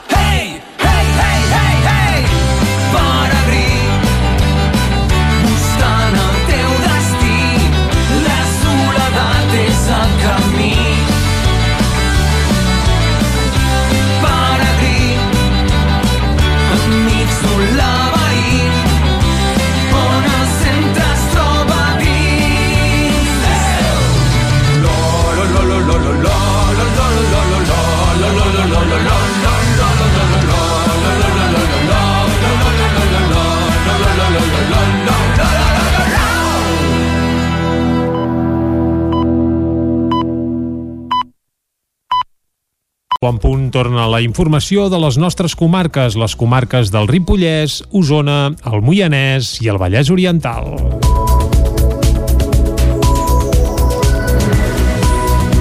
Des de dimarts i fins dijous, bona part del Bisaure i del Lluçanès no va tenir connexió a internet ni cobertura mòbil. Una avaria de la companyia Movistar i les companyies que en depenen va deixar sense connexió a internet ni cobertura mòbil als abonats de Sant Quirze, Montesquieu o Sora i també de Perafita Prats de Lluçanès, Olost o Sant Feliu Sacerra. Un tall en la fibra òptica en un tram aeri va provocar la interrupció del servei. David Solà és l'alcalde de Sant Quirze. Des d'ahir a les 9 del matí que estiguem sense aquest servei, amb l'afectació que té sobretot en llocs com el centre mèdic, que és el cap de Sant Quirze, que no podien connectar ni, ni connectar-se als expedients, ni, ni mirar les, les cites del seu programa, i totes aquelles persones que estan fent teletreball, tots aquells estudiants que estan fent exàmens, tots que han d'estudiar, que en un moment on estem fomentant tant el teletreball i estem demanant que la gent es quedi a casa a treballar, hi ha una avaria i triguem més de 48 hores a resoldre-la. Ahir a la tarda ens han comunicat que seria una previsió de 48 hores i avui de moment mantenen nostra previsió. Per tant pot ser que fins demà tot i que confiem que avui la puguin resoldre. Sí que ens han notificat que ja la tenen detectada que ja estan treballant, que és un tema de transmissió i que afecta diferents municipis però de moment encara no està solucionat A Sant Quirze, l'Ajuntament va habilitar una sala a la Casa de Cultura on les persones que ho necessitaven podien anar a connectar-se a internet i també a fer classes telemàtiques d'anglès complint amb els protocols de la pandèmia. Aquest dijous ja hi havia estudiants fent classe o fins i tot exàmens en línia. Solà denunciava la situació que pateixen els pobles petits. a la mínima que plou, que neva o que fa vent, cau tot i ens quedem sense llum, perquè ara fa una setmana ens han quedat tot 20 hores sense llum, també va fer que no tinguéssim internet i que això en menys d'un mes tenim dues avaries que fa que no podem fer aquest teletreball que tant fomenten. Per tant, és important que ens comencin a cuidar una mica i mirar la infraestructura com les tenim i què s'hi ha de fer. De cara a la tarda, altres estudiants van sol·licitar poder-hi acudir. L'Ajuntament té una altra sala prevista per utilitzar en cas que la situació es torni a repetir. El Pla d'Acció Climàtica de Caldes de Montbui inclou 30 propostes ciutadanes. Caral Campàs, des d'Ona Codinenca. La darrera sessió de participació ha servit per debatre i prioritzar totes les propostes rebudes per la ciutadania en el procés de participació del Pla d'Acció Climàtica de Caldes. La majoria de propostes d'accions, concretament 25, s'han rebut a través de la plataforma digital de participació ciutadana Decidim i 5 més s'han rebut a través del correu electrònic de l'Oficina d'Acció Climàtica. Durant la trobada que es va fer en format virtual es van compartir les propostes rebudes i es van debatre aquelles que es consideraven prioritàries. Un dels eixos al qual s'ha donat més rellevància és el bloc de protecció del medi ambient, en especial sobre la prevenció d'incendis i neteja de boscos. En parlava en aquest sentit Carla Garcia, de l'estudi Ramon Folk i Associats, l'empresa externa que està ajudant a redactar el projecte. En la- l'avaluació de la vulnerabilitat de Caldes als efectes del canvi climàtic, doncs clarament el risc d'incendis forestals doncs, és un tema eh, clau no? al municipi, sobretot a la, a la part doncs, més nord, més boscosa i fins i tot amb, amb urbanitzacions que, que són doncs, molt pròximes o, o, o dins, de, dins del bosc. Al mateix temps es van destacar especialment les propostes incloses en el bloc de mobilitat sostenible, concretament la proposta de millorar les connexions amb transport públic entre els municipis de la comarca que va sortir escollida amb un 71% dels vots. Aquest dilluns obria de segona, un establiment de roba i complements de segona mà situada a la plaça Santa Teresa de Vic. Els parells de sabates que presideixen les estanteries de la nova botiga de la plaça Santa Teresa recorden i molt l'ofici de sabatera al qual durant molts anys va dedicar-se la seva propietària. Aquest dilluns Montse Espinal obria les portes de De Segona, una botiga de roba i complements de segona mà, una obertura que inicialment s'havia previst per dissabte però que Espinal va haver de retardar un parell de dies a causa de les restriccions que prohibien als comerços no essencials obrir en cap de setmana.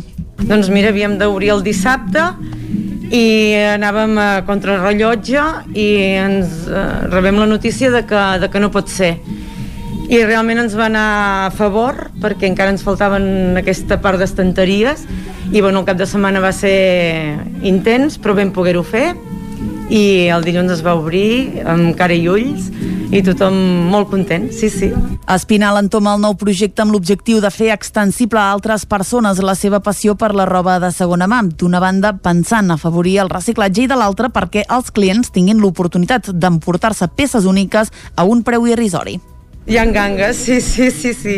O sigui, aquestes sabates són, bueno, allò de dir, és un tresor, perquè realment eren caríssimes, però aquí pots trobar doncs, aquestes gangues. O roba habitual, eh? vull dir que no... Pots trobar roba de qualsevol marca, des d'una marca molt reconeguda a una marca que dius, uh, aquesta... Tot, ho trobaràs tot, sí, a un preu bo. Tot i dirigir-se majoritàriament a un públic femení, l'establiment també compta amb peces infantils i d'home.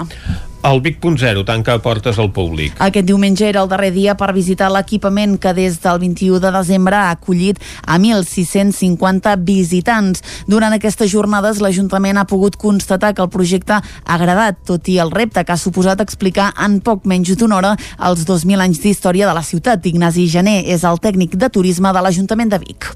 I la veritat és que estem ara molt contents, fem una, una respiració d'allò profunda perquè anem bé.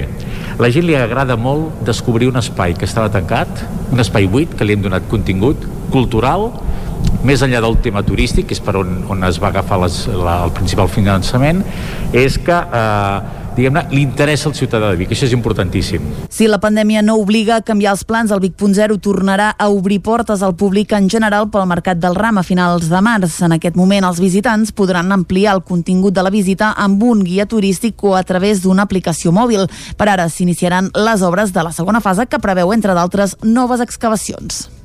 I la fase 2 comença ja, és que de fet empalmem la 1, que és quan hem ensenyat, diguem-ne, amb aquestes portes verdes el que, és, el que podrà veure la gent, i la fase 2, la, ja, de fet, no, no l'hem deixat mai de- d'acabar, vull dir, comença immediatament, el que passa és que els resultats no es veuran fins aquí ben bé dos o tres anys. El Vic.0 tanca portes, però l'exposició temporal que ocupa la nau central de la Pietat sobre les pintures d'acer que van cremar-se l'any 1936 es podrà continuar visitant. La mostra comissariada per Anna Alcubierre es podrà veure fins a finals de juny. L'Escola de Música del Ripollès acaba el curs 2020-2021 amb un dèficit de gairebé 10.000 euros per culpa de la pandèmia. Isaac Muntades, des de la veu de Sant Joan. El ple del Consell d'Alcaldes telemàtic d'aquest dimarts va aprovar el repartiment del dèficit generat a l'Escola Comarcal de Música pel curs 2020-2021 per un import superior als 9.800 euros amb 14 vots a favor de tots els colors polítics i dues abstencions d'alcaldes d'Esquerra Republicana de Catalunya com són Llanàs i Vallfogona de Ripollès. La consellera comarcal d'Ensenyament, Mònica Sant Jaume, va detallar que l'Escola Comarcal de Música passa per una situació complicada, ja que han passat d'augmentar el nombre d'alumnes els darrers 4 anys a reduir-lo dràsticament per culpa de la pandèmia. Actualment hi ha 242 nens inscrits pels 320 d'abans del confinament. De retruc, la caiguda de matrícules ha provocat una disminució dels ingressos. Durant el confinament total de març, les classes es van fer en línia i ja van començar les baixes. Després de retornar a les classes presencials al setembre, la resolució del DOC del 19 d'octubre va obligar a tancar totes les escoles de música que no fossin conservatoris i només podien fer classes presencials aquelles que complien uns requisits bàsics com que fossin d'un mateix grup bombolla i en un espai fora del centre educatiu. Sant Jaume va defensar que es podrien fer les classes perfectament. els conservatoris estiguessin exempts d'aquesta aquesta restricció i per tant poguessin continuar fent la seva activitat. Vam demanar que les escoles de músiques comarcals continuessin així. El vam demanar amb l'inspector dels serveis territorials de,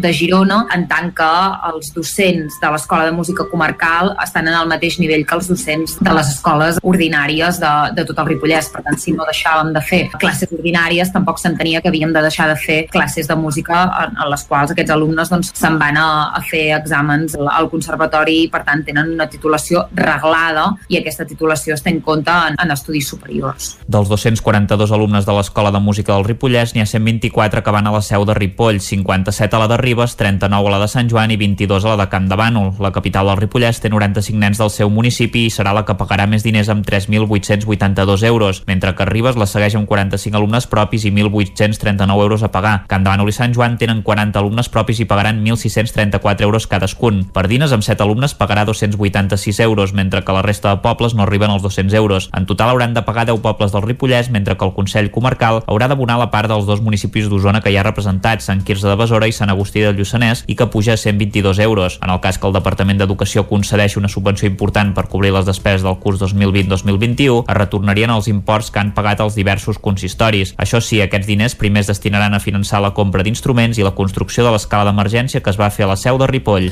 L'escriptora Carla de Güenca, Alba Dalmau, estrenarà al febrer la seva primera. David Auladell, de Ràdio Televisió, Cardedeu.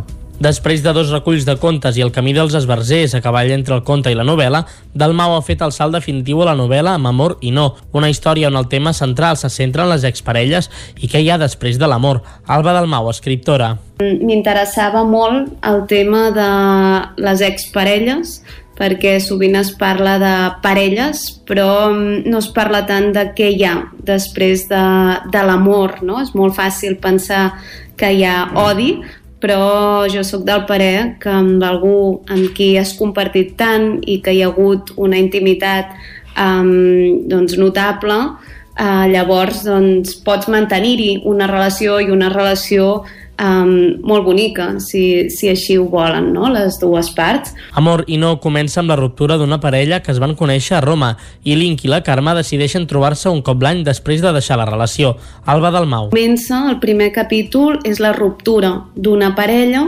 que s'havien conegut a Roma i allà havien passat la seva història d'amor i a partir d'aquí Link i la Carme doncs decideixen que una vegada a l'any o cada dos anys s'aniran retrobant passi el que passi. Com que els dos tenen feines força itinerants, això fa que es trobin doncs, a diferents llocs del món. No? Per exemple, sé que hi ha espais molt diferents i per mi això doncs, em divertia molt i ho trobava molt ric. Link és un artista multidisciplinari que acaba assolint l'èxit a partir de la creació d'obres d'art que tracten el tema de desaparició, obres que són una referència exacta a artistes reals de l'art contemporani. El personatge de la Carme, una modista d'òpera, ha sorgit de l'ajuda de dos cardedeuencs involucrats en aquest món que han permès a Alba Dalmau conèixer anècdotes i aspectes que desconeixia. Una novel·la, com diu l'escriptora, que l'ha permès centrar-se en un tema que li interessava prou com per viure en ell durant un temps.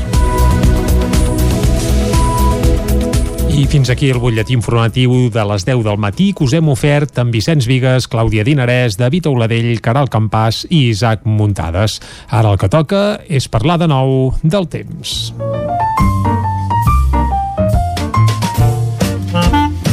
Casa Terradellos us ofereix el temps. I per parlar del temps, saludem altra vegada el Pep Acosta. Molt bon dia, Pep. Hola, bon dia a tothom. Bon dia.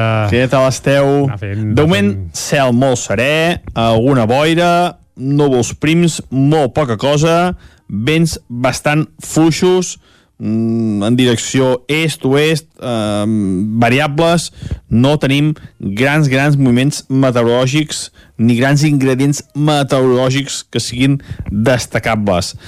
De cara al migdia, molt de sol, les boires s'aixecaran, tot i que en alguna zona persistirà bastanta estona, el tipà de Moianès ahir va, va estar bastanta estona amb boira, també cap a la plana de Vic, però bueno, jo crec que durant el dia d'avui es dissiparà.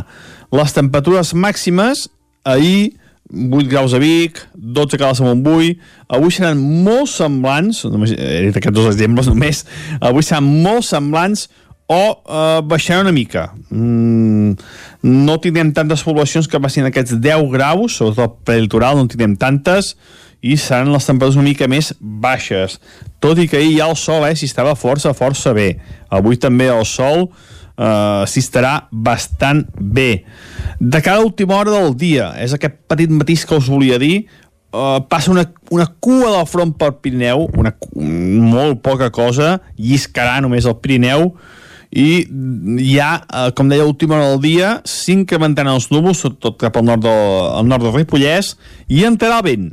Vent del nord serà bastant destacable, als cims del Pirineu, 60, 70, 80 km per hora, i aquest vent de nord farà que la temperatura baixi. De cara als pocs dies no hi haurà tanta inversió tèrmica ja que entrarà això, eh? entrarà vent de nord i farà que la temperatura baixi una mica, sobretot a alta muntanya. I això és tot. Uh, ja veieu que aquests dies tenim, un, després de, de tot el Nadal i de la perturbació filomena, tenim uns dies bastant tranquils. Veurem si es poden animar a partir del setmana que ve, que sembla que els mapes sí que diuen que hi haurà més moviment meteorològic. Moltes gràcies i fins demà. Adéu. Vinga, Pep, moltes gràcies a tu i Vicenç, això potser s'anima de cara a la setmana que ve de moment animadets ho estem pel que fa a temperatures mínimes que són molt i molt fredes aquests dies, eh? Ah, Exactament, i ara mateix bona part de la comarca d'Osona que continua estant amb temperatures sota zero mm -hmm. i amb boira, però no a tot arreu han estat eh, sota zero aquesta nit.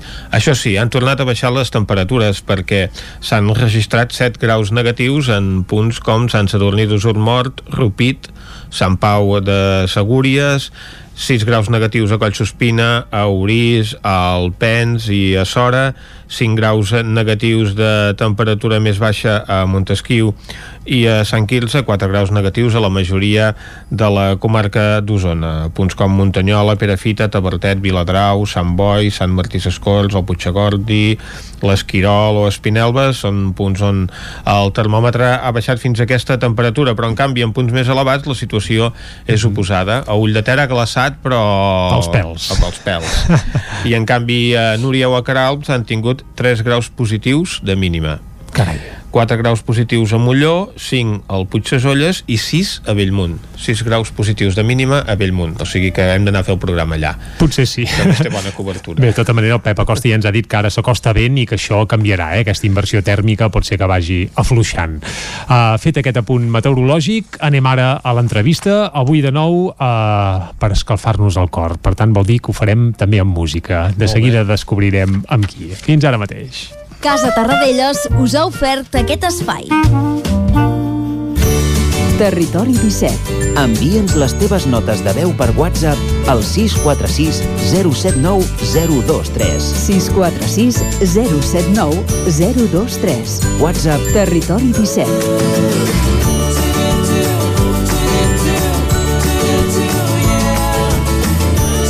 Territori 17. Som a Facebook, Twitter i Instagram amb l'usuari Territori 17.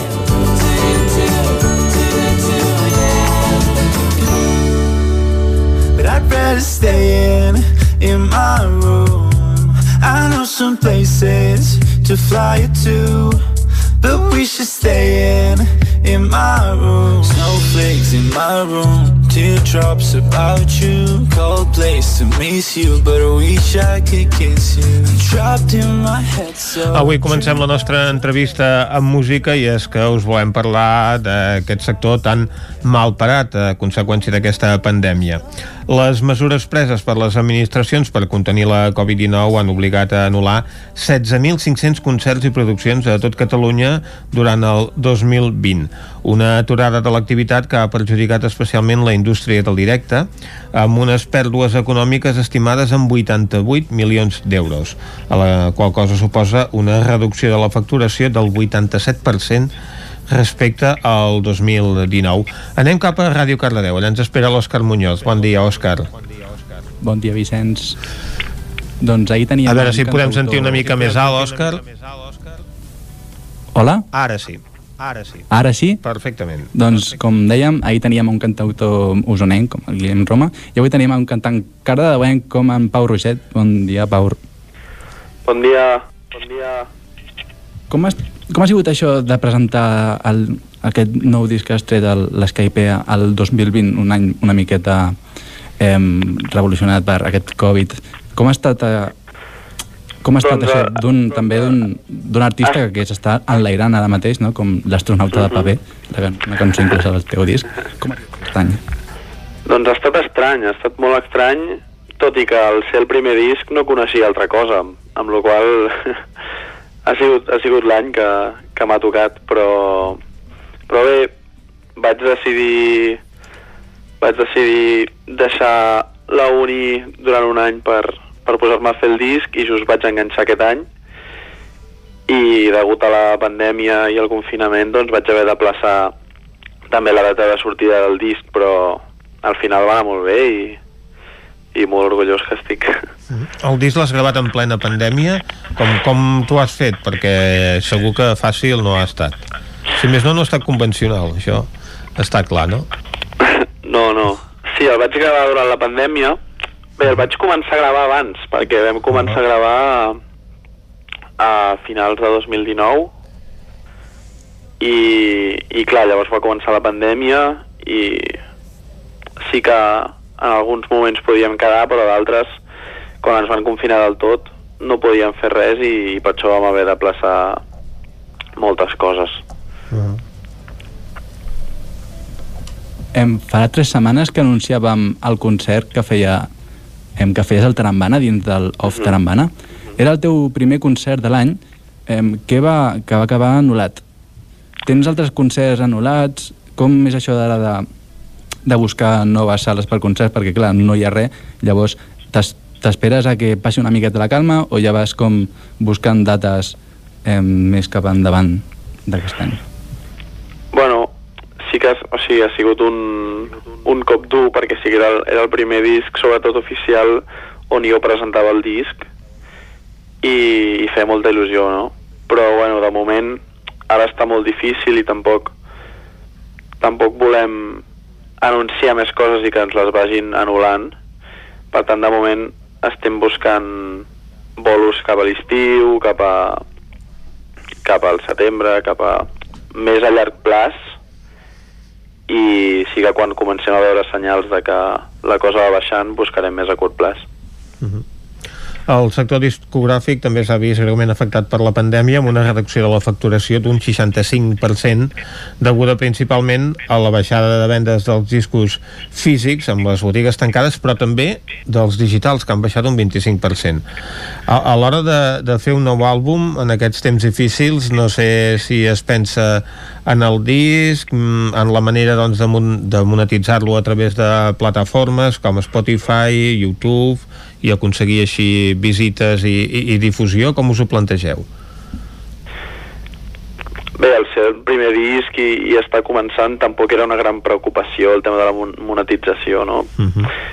Va ser més uh, la idea d'aprendre, de, de donar-me a conèixer i d'experimentar, sobretot. Va ser, aquest disc per mi va ser un experiment i, i una eina d'aprenentatge, però igualment sempre és algo que hi penses, no? Uh, tot i que avui en dia, doncs, clar, la monetització és, és un tema difícil perquè ja no es venen molts discos, si es venen és més, a més, és més com a com algo especial fins i tot a nivell de com, com, a, com a algo materialista per tenir però, però és que ja fins i tot avui en dia ni els cotxes tenen discos ja per tant és algo que s'està extingint el fet d'escol- de, de comprar discos no? en, en físic I els concerts també són un bon canal de venda, però malauradament ara mateix no Exactament. se'n poden fer. exactament, sí, sí, és un moment molt complicat molt complicat No sé si és el teu cas, però molts músics de- d'avui en dia el que fan és s'ajunten entre ells a l'hora de fer nous temes, escriuen cançons per altres. Em creus que els músics d'ara s'han de reinventar una miqueta per poder em, viure de- d'això, del que estan fent? Oh, i tant, oh, i tant. El fet de- d'ajuntar-se i crear junts és una cosa que s'ha fet sempre, però ara més que mai jo crec que el fet de no poder tocar en directe, el fet de no poder comunicar la música que fas, estem en un moment que és un moment de creació màxima i tots els que els que fem música ens estem ajudant més que mai perquè sabem que és un moment difícil i bueno, si no es pot actuar en directe, doncs aprofitem per crear el màxim i per intentar treure la inspiració junts i jo doncs estic preparant moltes coses. A la revista Rock apareixes doncs, a la llista dels nominats al millor disc del 2020 i amb Astronautes de paper va rebre el 5,5% dels vots com a millor cançó de l'any. Com són d'importants per algú que comença aquest tipus de premis? Doncs molt importants, molt importants. Més que pel fet de d'acostar-me a guanyar o d'estar de, a prop de, de dalt de tot, que, que és, és impressionant, no? Però per mi el fet de, de formar part d'aquestes llistes és, és una confirmació de que, de que em puc intentar dedicar això i de que, i de que el que estic fent serveix per a i per mi és molt important a nivell personal que em, que em reconeguin que sóc músic. I, i també em dona força doncs, de seguir creant i de seguir endavant i és molt especial I tu crees, a més a més, amb, amb tres llengües diferents, no? Perquè tant cantes en català com en castellà com en anglès. uh -huh. Això per què? Sí, sí. Bé, jo, sobretot perquè de petit, molta, molta, molta, molta de la música que he escoltat era en anglès, i per tant fins fa poc no tenia molts, molts referents en català, i jo quan vaig començar a cantar la primera cançó que vaig fer era en anglès. Però a poc a poc, eh, parlant amb amics, parlant amb, amb músics coneguts, he anat veient la importància que té la música en català i, i defensar doncs, la teva cultura i, i, i tot el que has viscut. I vaig començar a cantar en català i cada cop m'agrada més. I, i també vaig veure la importància de la diversitat. I vaig decidir doncs, fer això, fer un disc on, on figuressin les tres llengües de cara al futur no sé massa bé cap on aniré però, però vaig fent i, i ho disfruto en qualsevol llengua, és a dir que seguiré, seguiré per aquest camí. Havies vist, havies dit que eh, ara quedàveu, feia, ja que no es pot fer concerts en directe, tot això, quedàveu entre vosaltres. Eh, tens alguns mm, últim, bueno, tens projectes ja cap endavant que per acabar? Sí, sí, sí. Ara estic uh, començant a, a fer un EP de quatre cançons previst per, per principis de l'estiu d'aquest any. Uh, tinc diverses col·laboracions que, que he començat, molt especials, que d'aquí poc, poc en podré parlar i tinc moltes ganes, la veritat. Pau Roget, doncs molt èxit amb aquest eh, primer disc, molta força per aquest eh, segon EP que estàs preparant i el que farem és acomiadar l'entrevista doncs, escoltant alguna de les teves creacions com aquesta, la cançó més trista del món. Gràcies per acompanyar-nos, Pau. Moltes gràcies a vosaltres. cançó més trista del món i ho dic perquè ara ho penso no sé què pensaré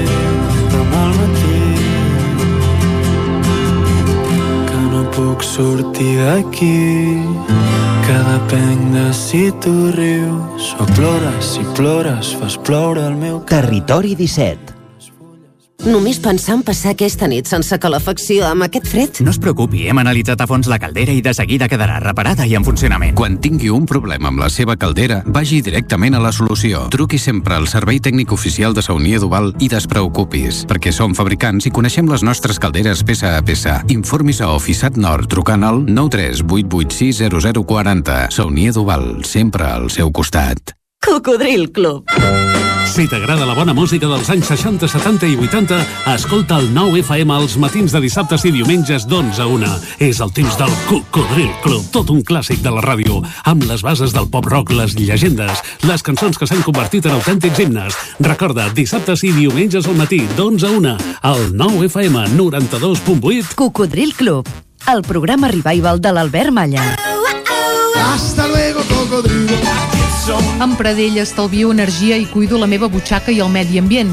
Posa't en mans de Pradell. Són experts en calderes de gas i condensació, estufes de pèl·let, energia solar, terres radiants, geotèrmia i aerotèrmia. Pradell instal·la calderes de biomassa per a particulars i per a empreses. Si vols estalviar un 50% en consum, contacta amb Pradell i passa't a les energies renovables. Pradell som a l'Avinguda Països Catalans 27 de Vic. Telèfon 93 885 1197. Pradell.cat. Us desitgem bones festes. Cobertes serveis funeraris. Els nostres tanatoris estan ubicats en els nuclis urbans més poblats de la comarca d'Osona per oferir un millor servei. Tanatori de Vic, Tanatori de Manlleu, Tanatori de Centelles i Tanatori de Roda de Ter. Sabem que són moments difícils i per això el nostre compromís és atendre-us en tot moment amb un tracte humà, sensible i respectuós. Cobertes serveis funeraris. Telèfon 24 hores 93 883 23 46. Anuncia't al 9FM. La màquina de casa. 9 3 8 8 9 4 9 4 9. Publicitat arroba al 9FM.cat. Anuncia't al 9FM. La publicitat més eficaç. Són temps de reptes. És per això que des de la Fogonera en tenim 3. Servir arrossos d'estrella per emportar i a un preu de justícia. I ara tasta els nostres menús per empreses, per Nadal i per Cap d'Any, fàcil, segur i boníssims. La cuina en directe des de GURB, on encarregues, ho vens a buscar i ara també t'ho portem a casa. La Fogonera, la rosseria de paelles per emportar a GURB. Telèfon 93 851 55 75. lafogonera.cat. I quan cau la nit, pupurri culinari. Solucions per divendres i dissabte nit. Pizza, burgers i molt més. Entra a pupurriculinari.cat i tria. El 9 FM, el 9 FM, el 9 FM, el 9 FM, el 9 FM.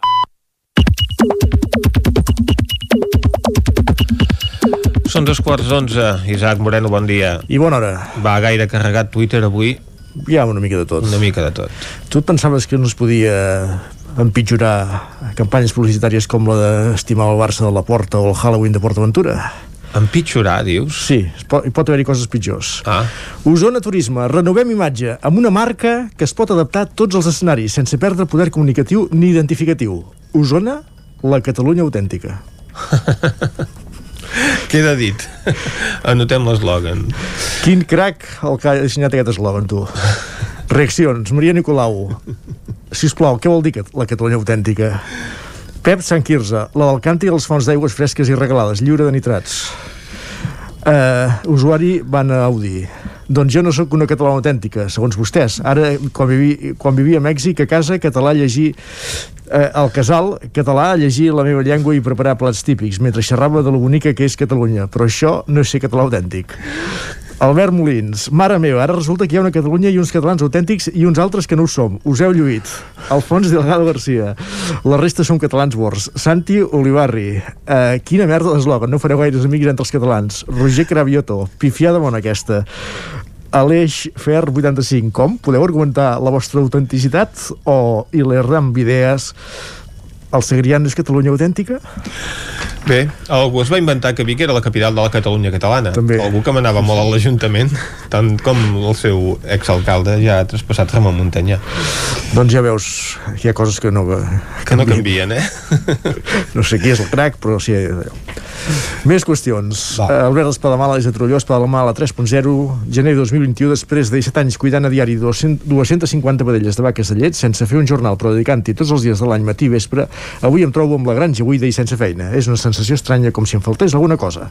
Continua el fil explicant doncs, que ha quedat sense feina, però que vol continuar treballant de granger i amb animals. Uh -huh. Joan doncs Coma. que ho faci. Correcte. Joan Coma, que l'any 2021 no hi hagi mecanismes segurs de vot electrònic per a les eleccions que, si fos el cas, es podrien fer eh, servir de forma massiva o per casos concrets, no pot ser una qüestió tècnica sinó política, i no crec que sigui deixadesa. O Josep Maria Dieguez, si s'haguessin convocat les eleccions tal com se'ns va assegurar tan bon punt es van aprovar els pressupostos de la Generalitat el 29 de gener del 2020, ara no caldria prendre una decisió que resultarà dolenta sigui quina sigui. Perdoneu, però algú ho havia de dir. En ple estat d'alarma s'està referint. El 29 de gener encara no. No, el 29 de gener no, efectivament. Però en, en el procés següent ja era en estat d'alarma. Correcte. Eli Pinyol des de Vic, és possible que enmig d'una pandèmia on pràcticament no puc fer res tingui la sensació que tinc menys temps que abans, però a veure, una, però a veure senyora, com t'estàs organitzant la vida? Són preguntes que es fa ella mateixa. Ahir feia 80 anys Pasqual Maragall, Rafa Cuenca des de Manlleu, com diu la Dolors Collell, afecta reconeixement i agraïment per molts anys president Maragall 80. Des de Sant Pere de Trolló, Xavi Verdolet comença la campanya dels desaprensius i desaprensives abocant cendra calenta als contenidors, amb risc d'encendre'ls com ja ha passat més d'una vegada. Aquest a l'Avinguda Atlàntida, la cendra com sempre freda i tancada. Aquest vol dir el que acompanya la, fotogra el, el, el, la fotografia que acompanya el tuit. Tati Furriols, Carles Furriols, eh, des que és candidat s'ha canviat la imatge al perfil, ara surt amb, amb americana i camisa. Avui és és la, el... la fotografia oficial de la candidatura. no? Ah, deu ser aquesta. Avui és el Dia Mundial de Lluita contra la Depressió, això era ahir. En aquests moments que ens toca viure un especial record per a tots els treballadors de salut, metges, infermeres, saladors, personal de neteja, ànims i etiqueta al govern. Bé, la seva fundació precisament treballa no? eh, en trobar sortides laborals a malalts mentals. Correcte. Santi Carcassona Músic, amigues i amics que em demanareu el vot pels premis Enderroc, no crec gens en la tipologia de premis, no es valora qui té més xarxa, més que qui fa millor la feina. Ni participaré ni faré res per perpetuar aquesta faceta de la indústria. Dit queda. Miquel Muñoz, mares i pares, us passa que una dutxa de la canalla dura més que una pandèmia? Si és que sí, em deixa més tranquil. Si és que no, tinc un problema. I aquest matí ja sabeu que hi ha hagut problemes a, Rodalies, el tren bala del matí ha anat amb dues hores de retard però no varia. Matilde de Vidal, des de la Garriga, 14 de gener, no hi cap ni una agulla al tren de la línia R3. Aquí el nostre amic Corona pot fer xup-xup lliure i triar a més d'una víctima. Gràcies, realment la foto fa fredat. Bé, el problema del transport públic eh, aquests dies doncs, ho, ho veiem de forma intensiva a les xarxes socials perquè apareixen moltes fotografies ja no només de la R3 lògicament sinó també del suburbà a les principals ciutats doncs, que va molt carregat de, de gent i ara el que farem és carregar a la nostra pantalla les portades del 99.cat i veure què diuen Doncs la d'Osona i el Ripollès, el govern prorrogarà una setmana més les restriccions davant l'augment de la Covid. Prop d'un 7% dels habitants d'Osona i el Ripollès han passat la Covid-19, un 7% ja. Carai. Els ramaders tanquen un altre any de rècord amb 23,26 euros de benefici per porc engreixat i liquats vegetals busca terrenys per conrear cibada per al consum humà. Anem a la portada del Vallès Ah, però Oriental que no, no és pel consum humà, la cibada, se'n fa aquell suc que tant triomfa les barres dels bars, no? Uh, més qüestions, l'edició verda, la, la del Vallès Oriental. Granollers i Mollet han mediat en prop de 200 casos de desnonaments. Les restriccions de mobilitat posen en alt risc allotjaments rurals i restaurants al Montseny i els tres hospitals ballesans sumen 11 noves defuncions per la Covid-19 en la darrera setmana. doncs molt bé, moltes gràcies Isaac per aquest repàs a l'actualitat Vinga, que bon dia. Territori 17.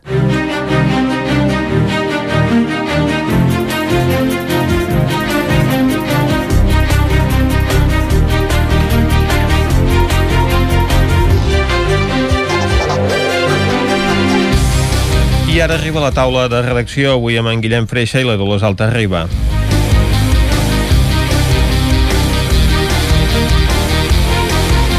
Comencem, Dolors, parlant del sector porcí que ha tancat un altre gran any a nivell econòmic perquè el, el preu del porc puja i, per tant, també pugen els guanys del sector, no?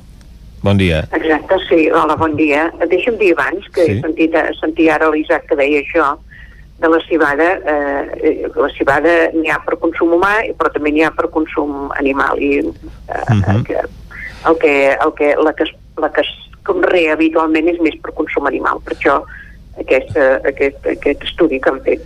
Ell es referia a la, a la, es referia a la cervesa, però. Ah, ell es referia a la cervesa. per fer un altre... Sí, sí, sí. Tens raó, tens raó. Per fer un altre tipus de beguda. Exacte. En cas, aquí, aquí per fer cervesa tampoc és que se'n planti molt. No. Aquesta. També hi ha, produ hi ha productors, artesans, hi ha cerveses molt sí, bones de però- petits productors, però evidentment doncs, Sí. no, no tota la matèria prima sorgeix aquí, sinó l'elaboració d'aquestes empreses. Però anem a parlar d'un altre producte No, no. característic de la comarca Sí. i també de molta qualitat, que és el porc. Sí, bé, eh, sí, ha estat un altre any, sí, sí, que està tot dit, diguem-ne, eh, perquè ha estat un altre any d'aquests de resultat rècord eh, en el preu del, del, del porc, del preu del porc, tot i que ha estat un 9% menys que l'any anterior, però en fi, estem parlant d'un benefici de 23,26 euros per porc engreixat, que això, quan ho comptes, doncs, amb, amb, la, amb, la, amb la cria que es fa durant un any, doncs són molts diners. Val? Eh, sí, realment ha estat, eh, ha estat molt bo, ni, la, ni amb el tema de la Covid això mm, ho No ha notat. baixat, no?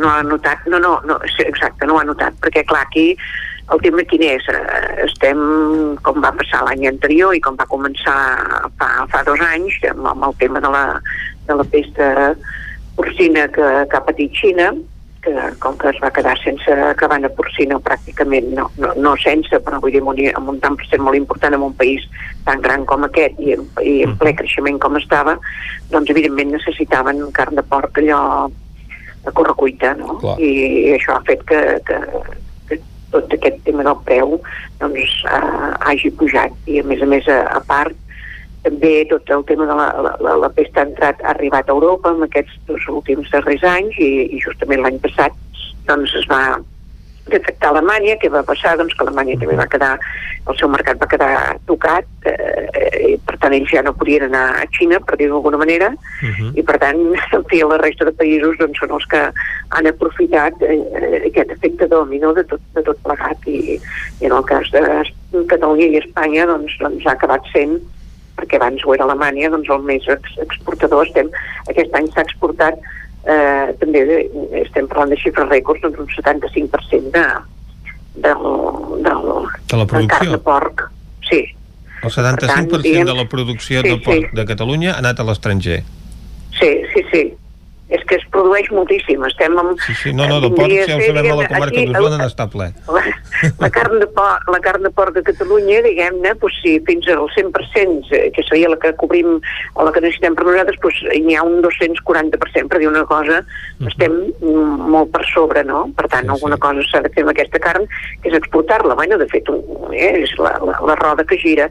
Ara bé, mm, sí que és veritat que això, ara per exemple, em sembla que és demà que també Unió de Pagesos farà una valoració sobre, sobre aquest tema del preu del porc, en aquesta, aquesta primera eh, valoració la va fer la JARC, i clar, eh, el que demanen també aquestes entitats i també des del departament i també des de la FECIC, o sigui, tot, de tot el, el sector, és que, que, que hi hagi una mica de sentit comú per, per, per, per dues o tres coses, no? Una és per evitar que la, que la pesta porcina entri i, i això mm, ja fa temps que es diu, eh, continuen entrant, eh, arribant eh, garrins de, de punts d'Europa, diguem-ne, per engreixar aquí, però ara també havent tingut això de, de, d'Alemanya, el que està passant, que això feia temps que no passava, és que arriben porcs per matar aquí.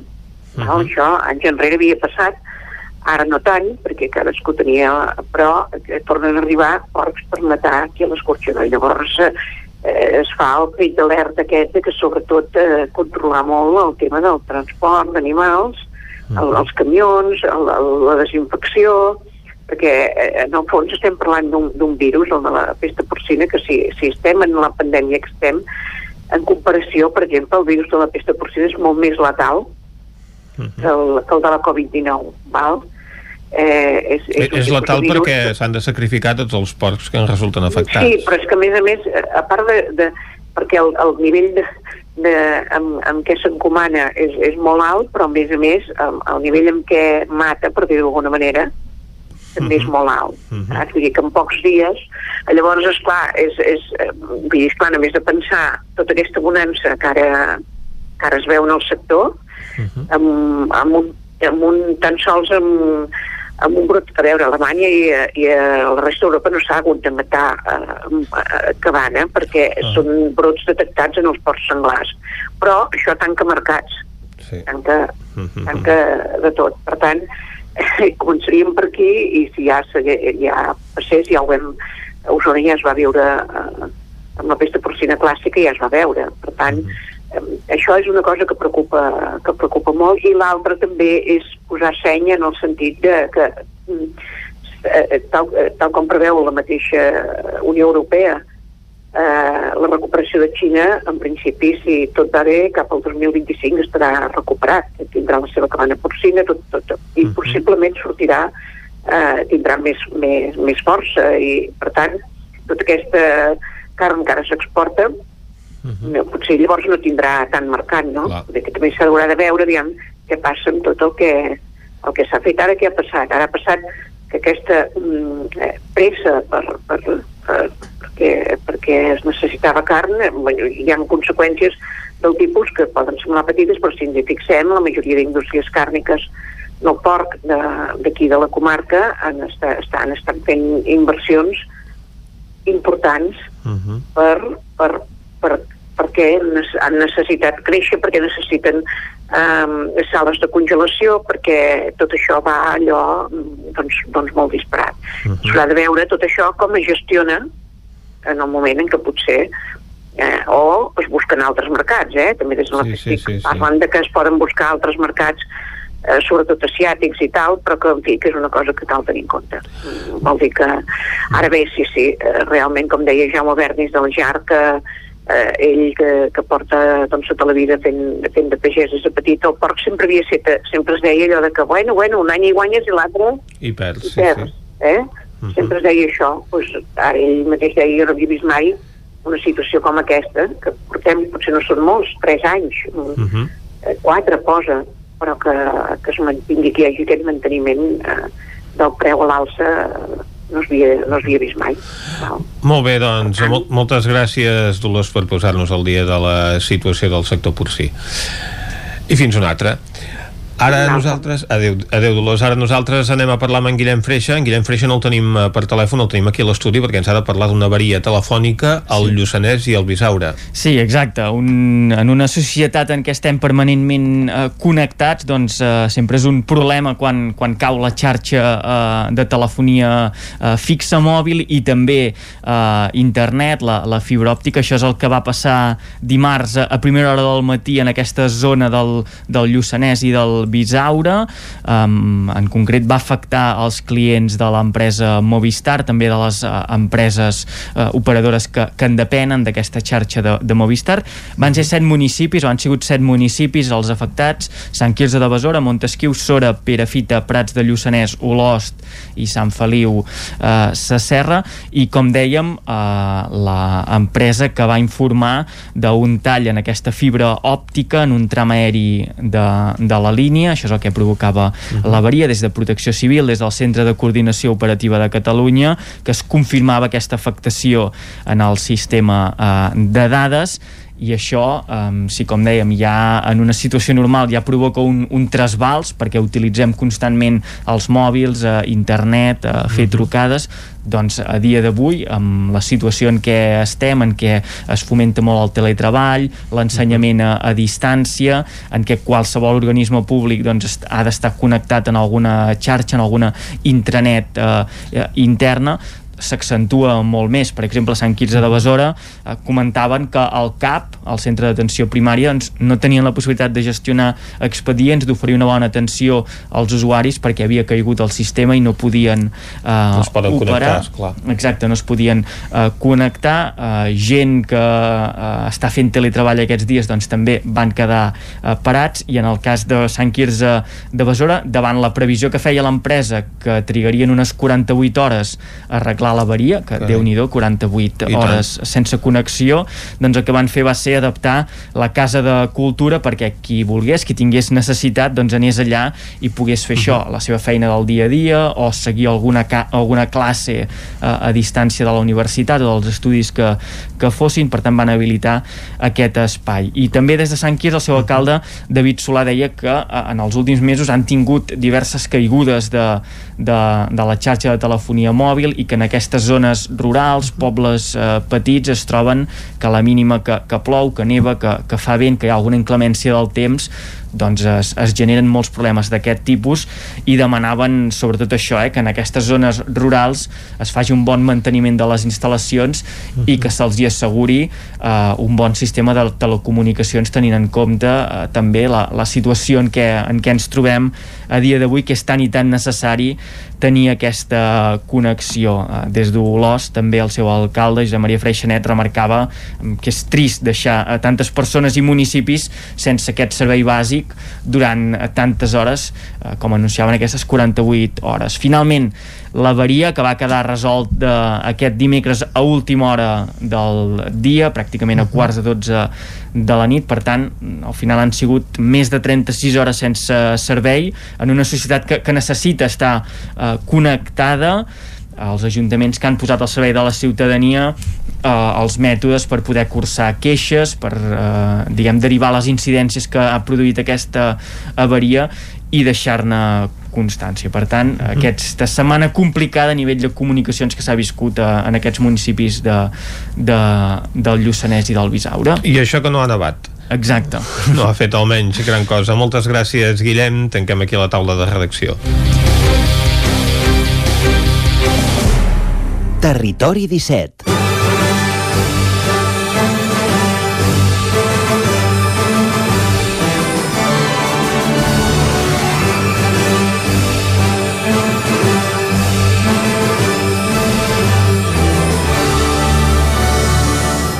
Doncs és l'hora de tancar la taula de redacció i quan falten encara 11 minuts per les 11, això tot lliga, tot va d'11, Vicenç, és l'hora d'anar al cinema. Anem al cine.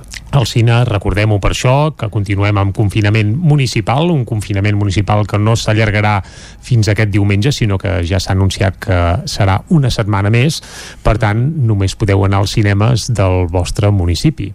Per tant, eh, jo no puc anar al cinema, Vicenç, i em sembla que tu tampoc, Tampoc, eh? tampoc. Però vaja, és per això que la Núria Lázaro, a part de repassar una mica la cartellera, també ens parla d'alguna altra cosa per inspirar-nos cinematogràficament parlant, i ara mateix la saludem i li demanem això. De què ens parlaràs avui, Núria? Doncs avui parlem d'adaptacions literàries que arribaran a la gran pantalla aquest 2021. Mhm. Algunes tenien previst la seva estrena per a finals de l'any passat, però, com tot, la pandèmia ha provocat que moltes hagin posposat la seva arribada als cinemes pràcticament un any. Com per exemple el cas d'una de les pel·lícules que parlàvem la setmana passada, d'un nova adaptació de la novel·la de Frank Herbert, amb Denis Villeneuve darrere les càmeres i Timothy Chalamet liderant el repartiment, o Muerte en el Nilo, la sexy visió de Kenneth Branagh del clàssic d'Agatha Christie amb Armie Hammer, Gal Gadot i Annette Beginning com a protagonistes. No obstant això, aquest no és l'únic títol que al llarg del 2021 portarà a la gran pantalla algunes de les novel·les més aclamades de tots els temps. A Espanya, per exemple, Bàrbara Leni es posarà a les ordres d'Oriol Paulo per interpretar Alice Gould a Los renglones torcidos de Dios del gran turcot Luca de Tena, i en algunes d'aquestes adaptacions figuren als crèdits noms com Mark Balber, Ralph Fiennes, Carey Mulligan, Tom Holland, Michelle Pfeiffer, Sigourney Weaver o Lady Gaga, entre molts altres. ¿Nombre de la enferma? Alice Gold. ¿Diagnóstico provisional? Paranoia. ¿Conoce usted con exactitud las razones por las que se encuentra aquí? Sí, doctor. Estoy legalmente secuestrada. ¿Por quién? Por mi marido. Eres detectiu? Doncs avui parlem d'adaptacions literàries que arribaran a la gran pantalla aquest 2021. Algunes tenien previst la seva estrena per a finals de l'any passat, però, com tot, la pandèmia ha provocat que moltes hagin posposat la seva arribada als cinemes pràcticament un any. Com, per exemple, el cas d'una de les pel·lícules que parlàvem la setmana passada, d'un nova adaptació de la novel·la de Frank Herbert, amb Denis Villeneuve darrere les càmeres i Timothy Chalamet liderant el repartiment, o Muerte en el Nilo, la sexy visió de Kenneth Branagh del clàssic d'Agatha Christie amb Armie Hammer, Gal Gadot i Annette Beginning com a protagonistes. No obstant això, aquest no és l'únic títol que al llarg del 2021 portarà a la gran pantalla algunes de les novel·les més aclamades de tots els temps. A Espanya, per exemple, Bàrbara Leni es posarà a les ordres d'Oriol Paulo per interpretar Alice Gould a Los renglones torcidos de Dios del gran turcot Luca de Tena, i en algunes d'aquestes adaptacions figuren als crèdits noms com Mark Balber, Ralph Fiennes, Carey Mulligan, Tom Holland, Michelle Pfeiffer, Sigourney Weaver o Lady Gaga, entre molts altres. ¿Nombre de la enferma? Alice Gold. ¿Diagnóstico provisional? Paranoia. ¿Conoce usted con exactitud las razones por las que se encuentra aquí? Sí, doctor. Estoy legalmente secuestrada. ¿Por quién? Por mi marido. ¿Eres detective? Sí, tengo que investigar un caso de asesinato cometido aquí en el centro. ¿No quiere hablar? Pues no.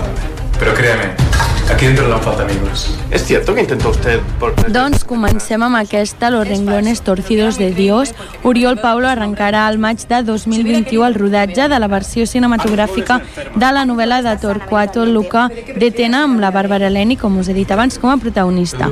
Al igual que el llibre, la pel·lícula explicarà la història de Liz Gold, una dona ingressada en un manicomi de salut mental amb un diagnòstic de paranoia, però que creu ser una investigadora privada que segueix la pista d'un homicidi. Things like this are usually done through museums. Yes, but with the war coming, they couldn't embark upon any new ventures. Well, I've been on digs since I was old enough to hold a trowel. My father taught me. What are they? Kerry Mulligan, Lily James i Ralph Fiennes encapçalen el repartiment de l'adaptació de la novel·la de John Preston, L'excavación, que s'estrenarà aquest any a Netflix i que retrata la descoberta de les restes d'un vaixell funerari del segle VIII sota el terra de Sutton Hoo a Suffolk. Dirigida per Simon Stone, la seva estrena està prevista pel 29 de gener a Netflix. This guy had a face like death, and every other word out of his mouth was Joker. Goddamn Joker. Uh, well, I've just been seeing on the news, you know, that there are kids Tom dying. Holland es ficarà a la pell de Nico Walker, soldat que va tornar de la guerra de l'Iraq amb trastorns d'estrès posttraumàtic no diagnosticats, que va començar la seva readaptació a la societat sent addicte a l'opi i va acabar robant bancs. Dirigida per Joe Russo, parlem de Sherry, que podreu veure-la a l'Apple TV a partir de març. It's all gone. Every penny.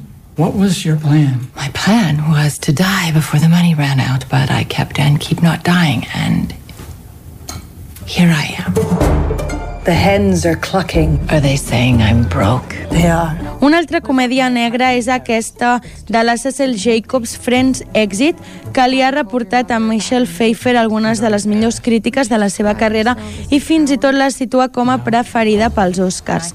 L'actriu interpreta una viuda de l'alta societat newyorkina que es muda a un petit apartament a París al costat del seu fill i el seu gat, que segons ella és el seu marit reencarnat. Basada en el llibre de Patrick DeWitt, completa el seu repartiment amb Lucas Hedge, Valerie Mahaif i Susan Coyne. A Estats Units arribarà als cinemes el 12 de febrer, però encara no s'ha confirmat la data d'estrena aquí a Espanya. That was a terrible crash.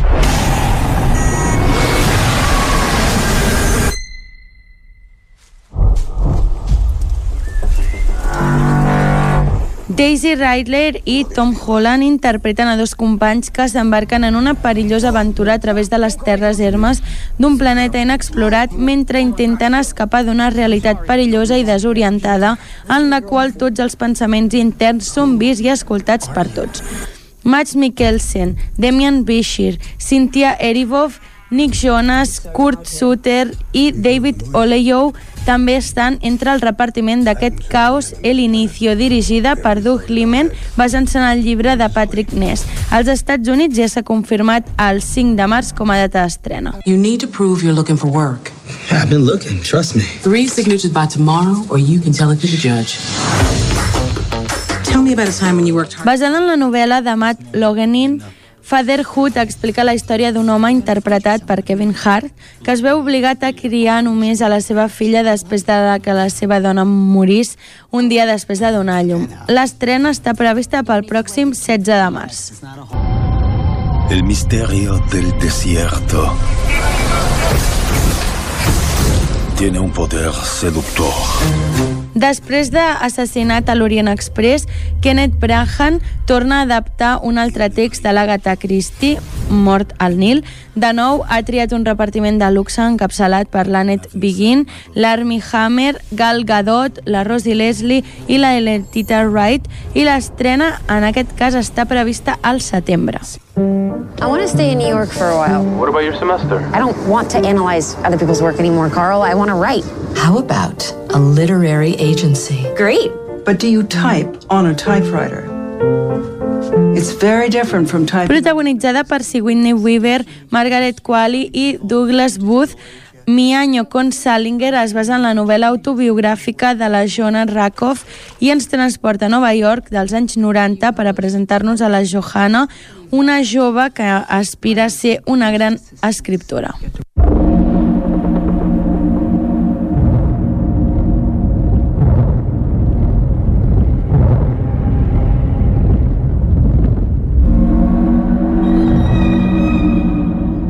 Patel protagonitza aquesta adaptació cinematogràfica del romanç mètric Sir Gawain i el Cavaller Verd, dirigida per David Lowery, en la qual també participen Alicia Vikander, Joel Edgord i Ralph Inenson. Ambientada en la cort del rei Artur, explica l'aventura d'un dels seus nebots per afrontar-se a un gegantesc ésser.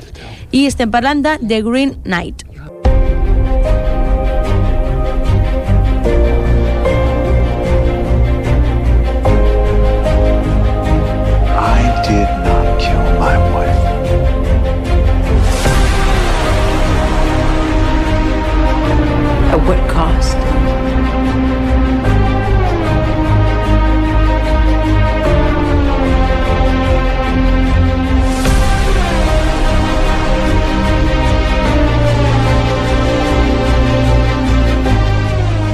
Doncs una altra de les adaptacions d'aquest 2021 serà Deepwater, on Anna de Armas i Ben Affleck protagonitzant aquesta adaptació del thriller eròtic de Patricia Highsmith sobre els Van Allen, un matrimoni que manté una relació oberta i els jocs de la qual els porten massa, massa lluny. Dirigida per l'Adrian Lyne, la seva estrena a Espanya està prevista per al 20 d'agost.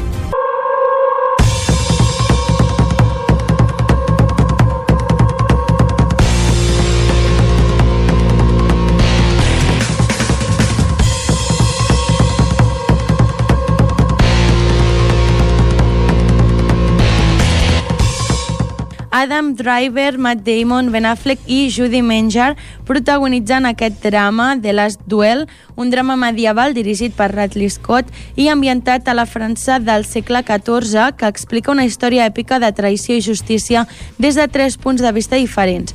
Basada en el llibre d'Eric Jagger, s'estrenarà el 15 d'octubre.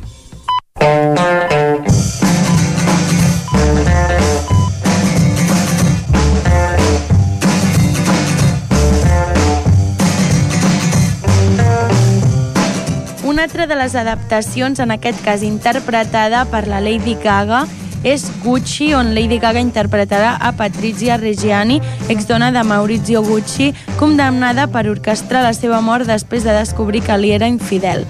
Adam Driver, Jared Leto, Al Pacino, Jack Huston, Revi Carner i Jeremy Irons completen el repartiment de l'adaptació escrita per Roberto Bentivegna, que serà produïda i dirigida per Radley Scott, basada en el llibre The House of Gucci, A Sensational Story of Murder, Madness, Glamour and Great de la Sarah Gay Forden. Arribarà als cinemes el proper 26 de novembre. What do you see? Sand. Imagine if we could look so closely, we could see each grain, each particle. You see, there are patterns in everything. Integrals, infinite series. I've never seen anything like them. From an Indian club. I una estrena que arribarà més aviat, el proper 28 de maig, és l'adaptació de les novel·les The Reincarnation Papers de l'Eric Micrans amb Infinite, als ordres d'Antoni Fuqua que explica la història d'una societat secreta que té la capacitat de recordar les seves vides passades. I wish I were on yonder hill. We don't want no trouble. That's just the way, isn't it? La El i la Dakota Fanning encapçalen el repartiment de la pel·lícula Nightingale, dirigida per la Melanie Laurent, que adapta la novel·la de Christine Hanna sobre dues germanes que lluiten per sobreviure a l'ocupació alemanya a la França durant la Segona Guerra Mundial, que s'estrenarà el proper 22 de desembre. When I first saw him, I knew then this was the master for me.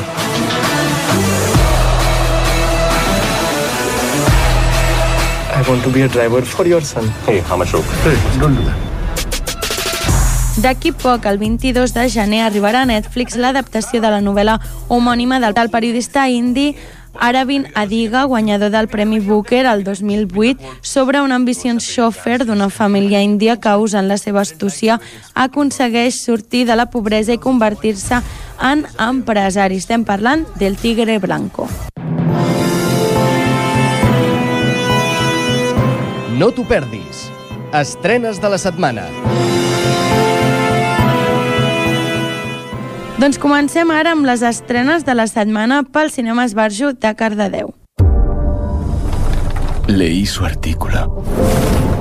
Un artículo excepcional. Mi instinto me dice que hay otro elemento. ¿Cree haber dado con un elemento nuevo? Avui dijous, aquest dissabte i aquest diumenge tindrem Madame Curie, una pel·lícula en versió original en anglès subtitulada al castellà, ambientada a París al 1893. La Marie, una brillant i rebel científica disposada a canviar la manera d'entendre la ciència, s'ha d'afrontar contra l'èlit acadèmica per dur a terme les seves investigacions. Després d'unir forces amb Pierre Curie, Després d'unir forces amb Pierre Curie per potenciar els seus estudis, la Marie descobreix la radioactivitat i es converteix en el centre d'atenció internacional. Sé que no son maneras, pero bueno, ya sabes cómo van estas cosas. Bienvenido. Me llamo Lesh y soy vuestro nuevo profesor porque María está de baja. Y me falta... Carlos. ¿Alguien sabe por qué no ha venido? Os propongo que cada uno de vosotros escriba una carta a sí mismo para suyo del futuro. Doncs el cinema Amics de la Vall de Ribes s'estrenarà aquest dissabte a les 7 de la tarda. Pel·lícula que hem parlat diverses vegades durant l'any passat, interpretada per el David Verdaguer, amb el David Ilundain com a director. Parla sobre un professor interí que assumeix la tasca de ser el tutor d'una classe de sisè de primària en un poble completament desconegut per a ell. Quan descobreix que ha de reintegrar un alumne malalt a l'aula es troba amb un problema inesperat. Gairebé cap dels seus companys i companyes volen que torni a classe. It all started in the summer of 1989. My best friend Sophie went on holiday to Hungary. Be a good boy, Sputnik, and do what Fritzy says. I stayed behind in Leipzig and took care of her little dog Sputnik. Oh, the summer was. Al cinema Comtal de Ripoll, aquest diumenge a les 5 hi haurà Fritzi, un conte revolucionari, i dissabte, diumenge i dilluns, En guerra con mi abuelo. Si querías invitar a los vecinos, igual me lo podrías haber comentado. ¿No te parece? No, no me parece. ¿Sabes por qué? ¿Por qué, cariño? Porque me hubieras dicho que no, como siempre que te propongo algo. Hola. Hola, Ana. Ya que vienen a casa... I acabem amb aquesta pel·lícula sentimental que podreu trobar tant dissabte com diumenge en una sessió de tarda a les 5 i una de nit a les 8 de la tarda al Casal Camprodoní de Camprodon. Les estrenes d'aquesta setmana al cinema Sucre de Vic encara no estan publicades, però si aneu a la seva web podeu veure totes les estrenes que s'estan reprogramant, d'aquelles que s'havien d'estrenar durant els mesos de pandèmia i les noves estrenes per demà divendres que aquesta tarda publicaran a la seva web. I després del cinema torna la informació de les nostres comarques quan passen ja 6 minuts de les 11 del matí. Ja ho sabeu, la informació de les comarques del Ripollès, Osona, el Moianès i el Vallès Oriental. Territori 17, amb Vicenç Vigues i Jordi Sunyer.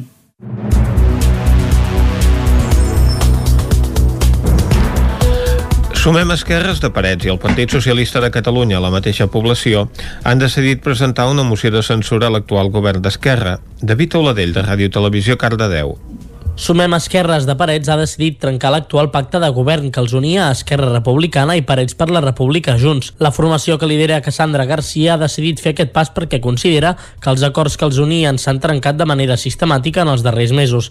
Escoltem Cassandra Garcia, portaveu de Sumem Esquerres. Un bon alcalde també ha de ser una persona que sàpiga liderar molt bé tot i gestionar tot un equip de persones i això doncs, en els darrers mesos s'ha anat, anat oblidant una mica i nosaltres entenem entenem que s'han entrat en unes eh, polítiques eh, personalistes que, que nosaltres des de Sumem Esquerres doncs, no, no, no podem donar suport. Eh, s'ha de fer un gir i s'ha de fer un canvi i en aquesta trobada amb el CES doncs, va sorgir la idea de que per què no intentar fer una opció alternativa eh, amb un govern encara més estable, amb 10 regidors i regidores. La moció de censura s'ha presentat conjuntament entre Sumem, Esquerres de Parets i el Partit dels Socialistes.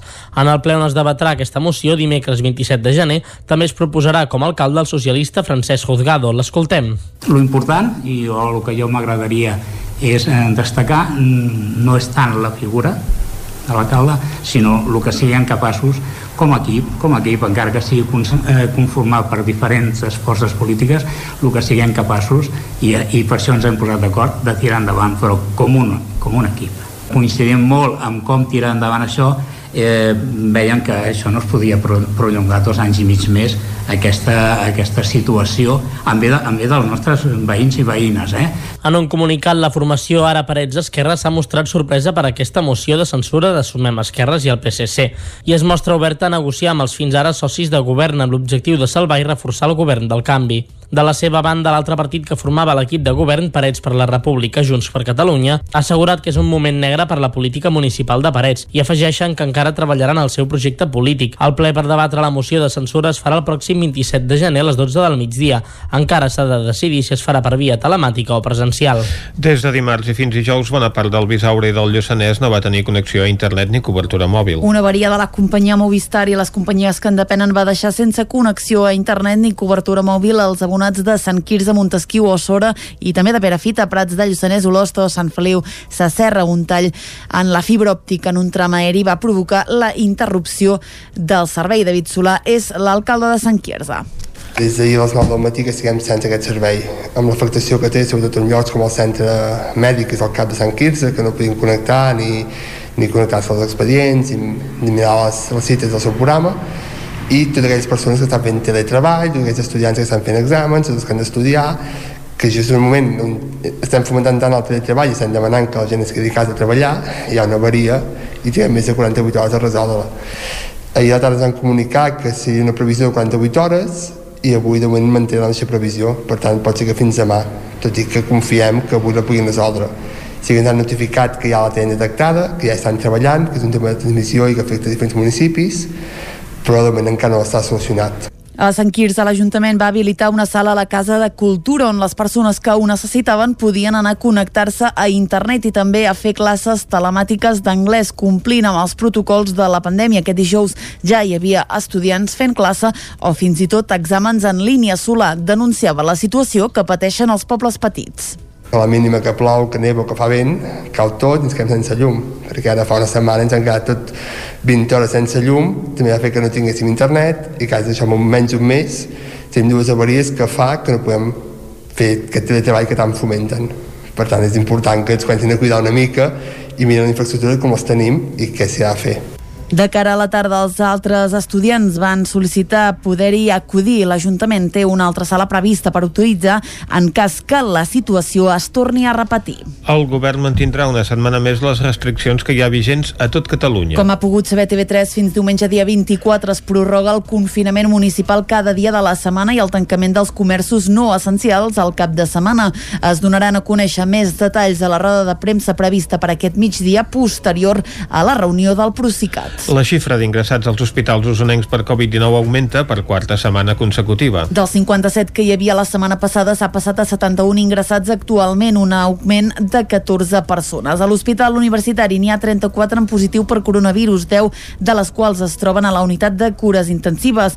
Pel que fa a l'Hospital de la Santa Creu, actualment hi ha 37 pacients amb resultat positiu. L'Hospital Sant Jaume de Manlleu no té cap ingressat per Covid-19. La nota positiva és que en l'última setmana han baixat els nous ingressos que han estat 39, mentre que la setmana anterior hi havien ingressat 65 persones. Pel que fa a les dades del Departament de Salut, el nombre de contagis a Osona ja ha superat els 12.000 des de l'inici de la pandèmia. D'aquestes 540 persones han acabat morint, 8 de les quals en la darrera setmana. La xifra positiva és el ràpid augment de vacunats. Des de dimarts passat, quan va començar la vacunació, ja s'ha posat el vaccí a 2.510 persones entre els usuaris de residències i personal sanitari. Un informe emès per part de les psicòlogues municipals de Caldes valora positivament l'adaptació dels infants i joves del poble a aquest nou curs marcat per la pandèmia. Caral Campàs, des d'Ona Codinenca. La conclusió extreta d'un informe emès per part de les dues psicòlogues municipals Cecília Fernández i Vanessa Olmos, s'extreu de l'anàlisi que han fet d'aquest primer trimestre. Segons aquest document, la normalitat ha estat la principal característica de la vida escolar a Caldes. En línies generals, les psicòlogues que tenen els centres públics d'educació infantil i primària i les escoles bressols valoren molt positivament el retorn dels infants a les rutines escolars. Reprendre les classes presencials al setembre els ha permès mantenir la seva estabilitat emocional.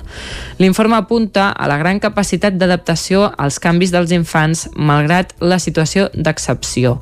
També inclou que no s'ha detectat un augment significatiu d'angoixes provocades per la situació de crisi sanitària, social i econòmica que viu l'entorn.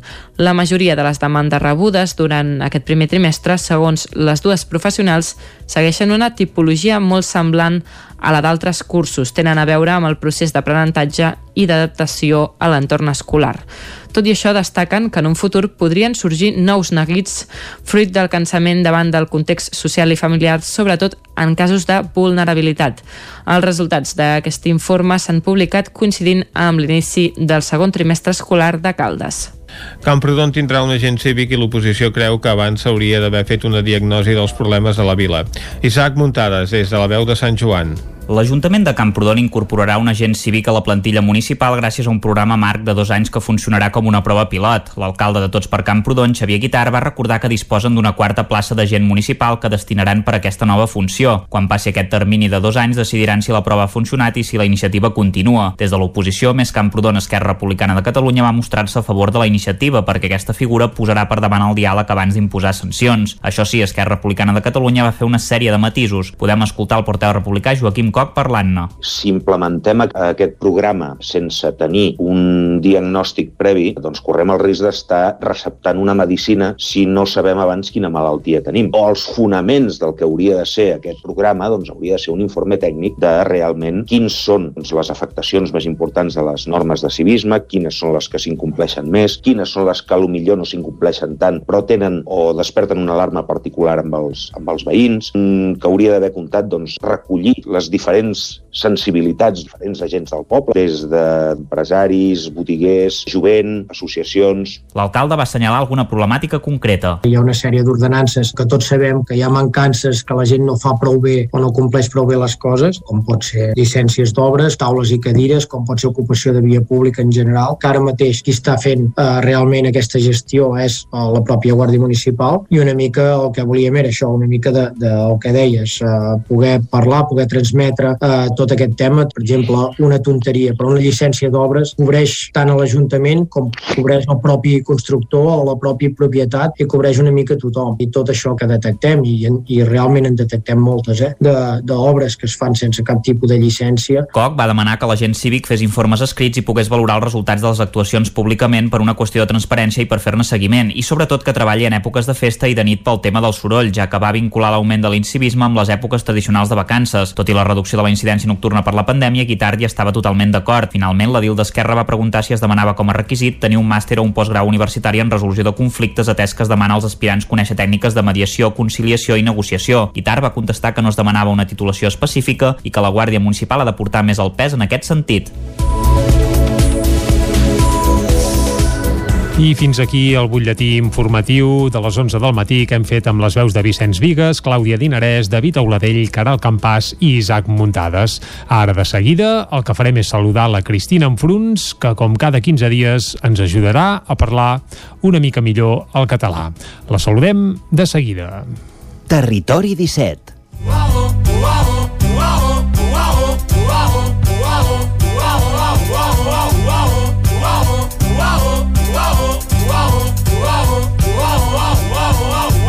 sobren paraules, agulla, fil de cosir. Doncs vinga, els Antonio Font ja no els sobren paraules, més que res perquè van plegar veles, però això és la sintonia que ens indica que ja tenim la Cristina Enfruns aquí a Territori 17. Cristina, molt bon dia.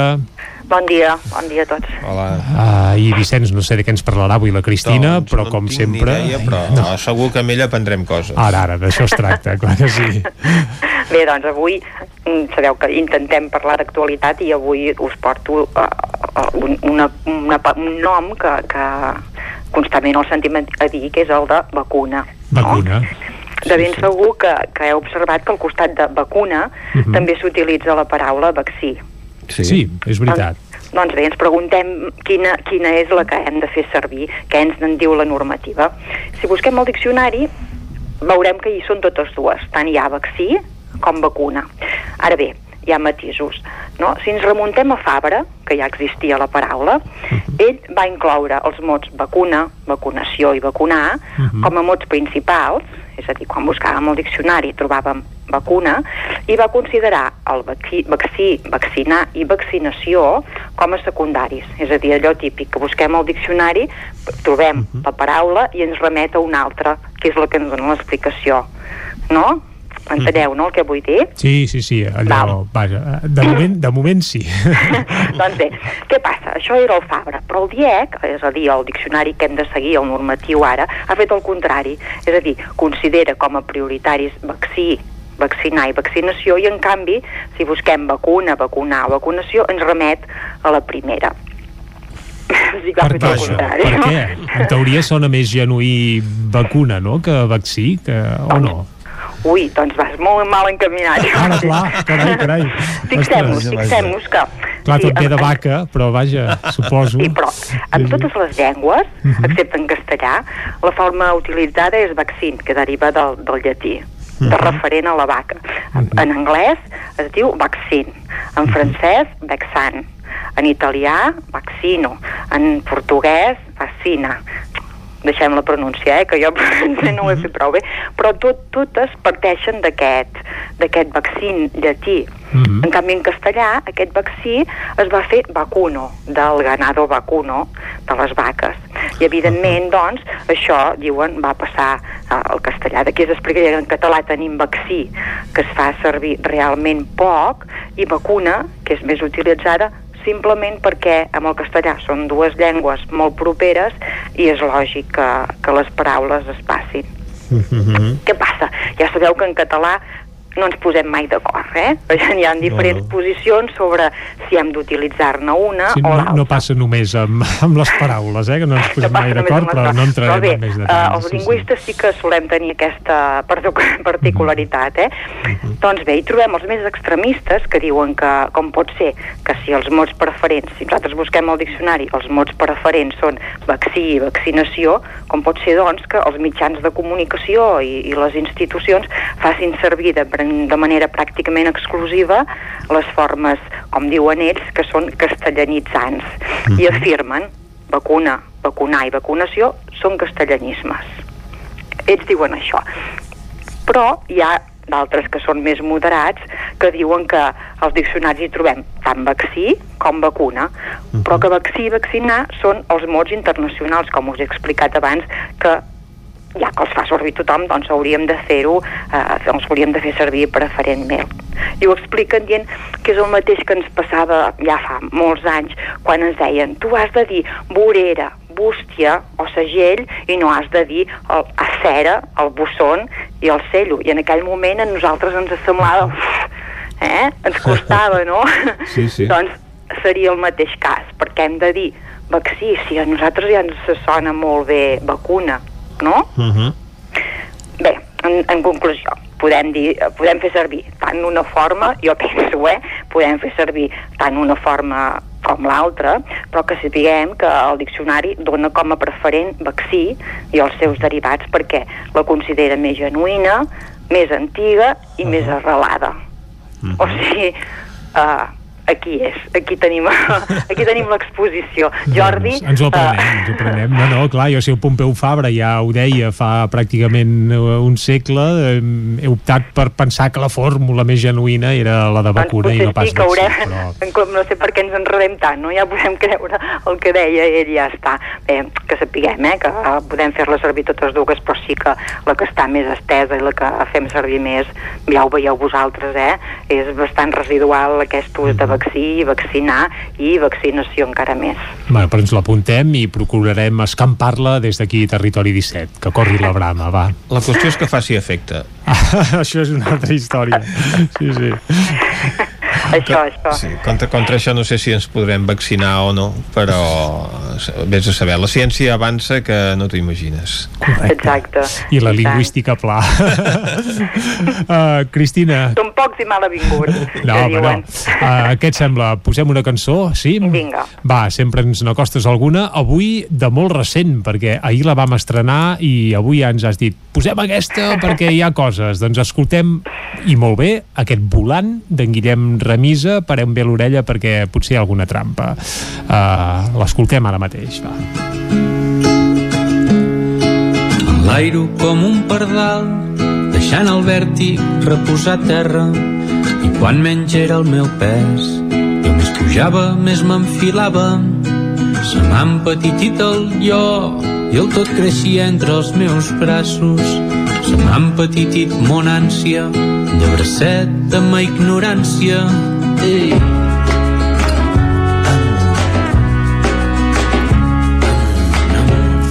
Uh, Cristina, n'escoltem un tros més o ja hem d'haver copsat l'errada aquí? A veure...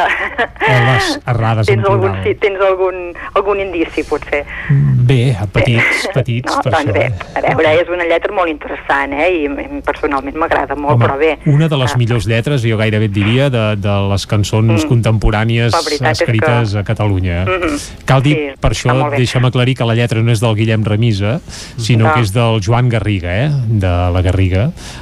uh, la troba Kung Fu, etc Dominguet, però vaja, aquesta Ah, peça bé. la va fer a l'època de la troba Kung Fu i el Guillem Remisa l'ha reversionat i li ha donat una nova volada, mai tan ben dit perquè es diu volant, uh, però vaja, que el text original és del, del Joan Garriga, sí. Del territori 17 tots dos, això que Ah, això clar. sí, això sí, que el Guillem Remís és de roda, i tant que sí.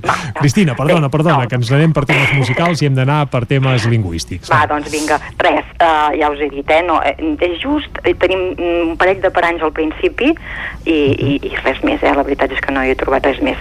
Uh, res, només de començar quan diu deixant el vèrtic reposar a terra, recordem eh, que la paraula vèrtic és traducció del castellà vértigo, que en català hem de dir-ne vertigen. Eh? Vertigen, eh, recordem-ho sense accent aquesta seria una i l'altra just darrere la, la, la següent frase quan diu i quan menys era el meu pes pensem aquest per expressar que una cosa és d'una determinada manera en una proporció de més a menys es fan servir les locucions com més i com menys altres vegades ja n'hem parlat eh? Mhm. sí que és cert que eh, es fan servir i les trobem molt cops documentades però eh, pensem que hem de fer aquest com més com menys i per tant aquí aquest quan menys l'hauríem de retirar i ja està, eh? simplement eren aquest parell de, de punts Aquesta segona seria fàcil de resoldre, la primera, musicalment parlant, divertigen, on es diu vèrtic, quedarà- ah, costa, eh? costa, Això que, costa I el vèrtic està molt estès, eh? Més I que la tant. vacuna i tot, potser, eh? sí, sí, sí, el fem servir molt eh? hauríem d'evitar-lo Uh, sí, no hauríem de posar-lo al diccionari. també en podem parlar També en podem parlar. estem oberts Molt bé, Cristina, moltes gràcies per acompanyar-nos una setmana més a Territori 17. D'aquí 15 dies t'esperem de nou, eh? d'acord, perfecte Uh, vacunada o no. O, a veure, a veure, encara tardarem, eh? Sí? tardarem, em sembla Sí, els correctors de lingüistes sou els No últims de la llista eh? o no, no Segurament. prioritaris? Però som els va? que heu de salvar la llengua i això és prioritari. I tant, i tant. I tant que sí, Que això és ben cert. Cristina, moltes gràcies. a vosaltres Vinga, i Vicenç, nosaltres el que farem ara és uh, deixar una estoneta més d'aquest volant del Guillem Remisa, que és una peça extraordinària, eh? Molt bé, doncs escoltem aquesta cançó de Guillem Remisa amb lletra de Joan Carriga. Exacte, n'escoltem un fragment, després farem una petita pausa i tornem a dos quarts en punt aquí a Territori 17. Ho farem descobrint un altre racó de Catalunya. Avui a un lloc que el Vicenç Vigues té molt, molt, molt, molt, molt proper, A veure, però no avancem res més. Això ho descobrirem d'aquí 3 minuts. Fins ara. com la sardina i la marihuana que si vol amb els ulls oberts veig un miracle aquí en cada passa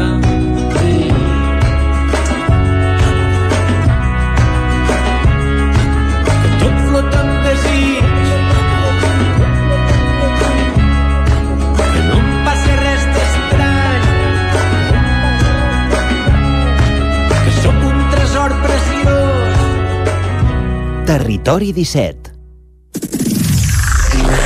El 9 FM. El 9 FM. C Cosmètics, el vostre distribuïdor de perruqueria i cosmètica bio de la comarca, us agraeix la confiança de tots aquests anys i us convida a visitar la nova botiga online www.ccosmetics.net us obsequiem amb un 10% de descompte en la vostra primera compra. També podeu recollir les vostres comandes al carrer Nord, número 2, baixos de Vic. I ara, nou servei d'articles anticovid, dirigit a empreses. Us Cocodril. Club. Si t'agrada la bona música dels anys 60, 70 i 80, escolta el 9 FM els matins de dissabtes i diumenges d'11 a 1.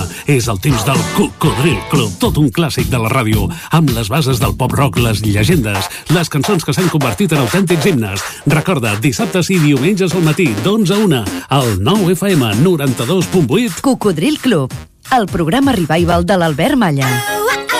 Hasta luego, cocodrilo. Hi ha una màgia que no té truc. És la màgia de compartir una estona amb algú i parlar-hi. Vols practicar el català o ajudar algú a parlar-lo? Apunta't al Voluntariat per la Llengua, al programa de les parelles lingüístiques a vxl.cat. Perquè quan parles, fas màgia. Generalitat de Catalunya, 100 milions i mig de futurs. Cobertes serveis funeraris. Els nostres tanatoris estan ubicats en els nuclis urbans més poblats de la comarca d'Osona per oferir un millor servei. Tanatori de Vic, Tanatori de Manlleu, Tanatori de Centelles i Tanatori de Roda de Ter. Sabem que són moments difícils i per això el nostre compromís és atendre-us en tot moment amb un tracte humà, sensible i respectuós. Cobertes serveis funeraris. Telèfon 24 hores 93 883 23 46. Només pensar en passar aquesta nit sense calefacció amb aquest fred? No es preocupi, hem analitzat a fons la caldera i de seguida quedarà reparada i en funcionament. Quan tingui un problema amb la seva caldera, vagi directament a la solució. Truqui sempre al servei tècnic oficial de Saunier Duval i despreocupis, perquè som fabricants i coneixem les nostres calderes peça a peça. Informis a Oficiat Nord trucant al 938860040. Saunier Duval, sempre al seu costat. Anuncia't al 9FM. La màquina de casa. 9 3 8 8 9 4 9 4 9. Publicitat arroba al 9FM.cat. Anuncia't al 9FM. La publicitat més eficaç. Passema, comercial de maquinària i utillatges amb més de 50 anys al vostre servei. Visiteu la nostra botiga i trobareu productes de gran qualitat. Passema, som al polígon Sot dels Pradals, al carrer Cervera 10 de Vic. Telèfon 93 885 32 51. Us desitgem bones festes. El 9 FM. El 9 FM. El 9 FM.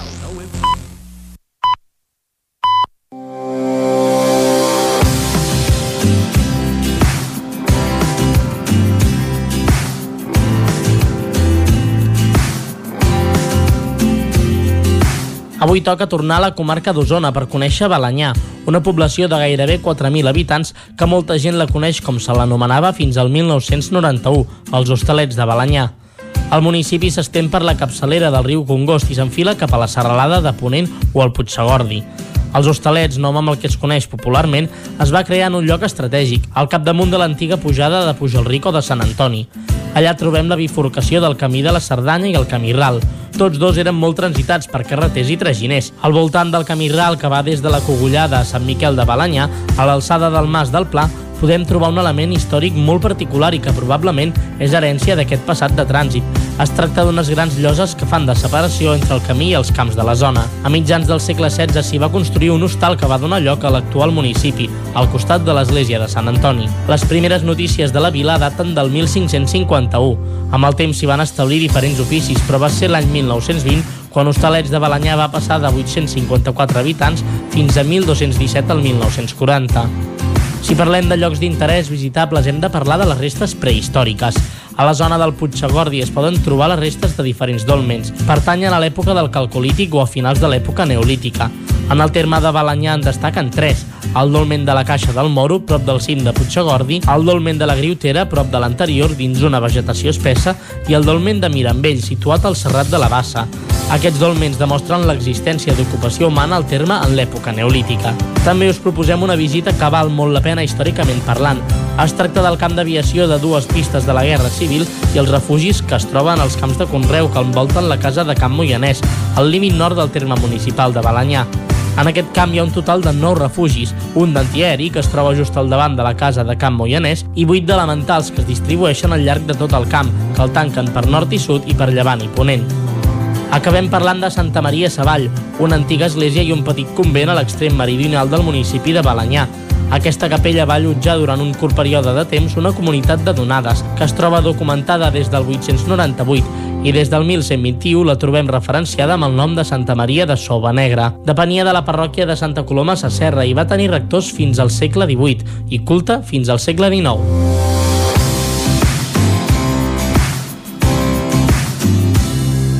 Territori 17. Doncs avui, Vicenç, en David Auladell, que ens ha descobert les bondats de Balanyà, dels hostalets de Balanyà, i tu que ets dels hostalets de Balanyà, que mm -hmm. bé, s'ha superat. Bona nota, sí? Sí, sí, tot i que no cal confondre els hostalets de Balanyà, que és el nucli més poblat del terme municipal, amb -hmm. pròpiament el terme de Balanyà, si bé el, el poble on hi viu la majoria de gent és del segle XVI, el municipi es remunta ja al segle XI. Home, i també ha dit que hi ha vestigis de l'època romana, eh? Sí, sí, sí. Uh, Balanyà sou... Uh, és que abans que Vic i tot, eh? Ja hi havia Balanyà, potser, eh? Vaja, està bé, està bé. Sempre abans que Santana coses. segur. Sí, abans que Santana ja t'ho ben asseguro, perquè això és de... Bé, dels anys 60 del segle passat. Uh, algun dia, aviam si el David Auladell ens parla de Santana. Ah, exacte, i de les uh, seves bondats, també. Exacte, un barri uh, de Vic, per la gent que ens escolta des de Territori 17, que no exacte. estigui situat situada. Uh, on segur que està tothom situat és a la R3, perquè sí. en parlem cada dia i aquí no cal donar gaires pistes. I anem o què, sí? Anem-hi. Doncs vinga, a Trenc d'Alba. A Tren d'Alba. Cada dia els usuaris de la línia R3 de Rodalies que veuen sortir el sol des d'un vagó ens expliquen les gràcies i les penes del primer comboi que uneix Ripoll i Barcelona.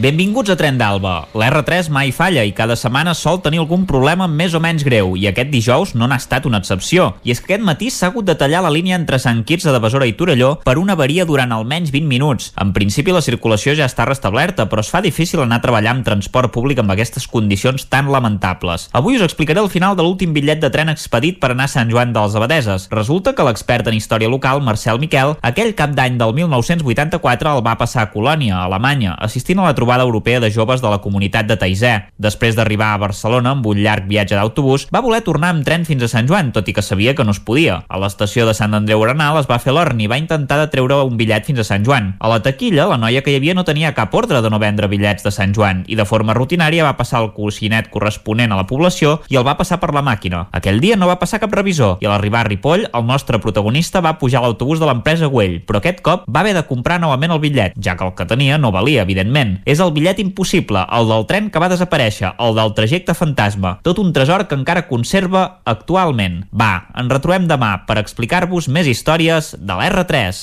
Territori 17 El racó de pensar, a Territori 17.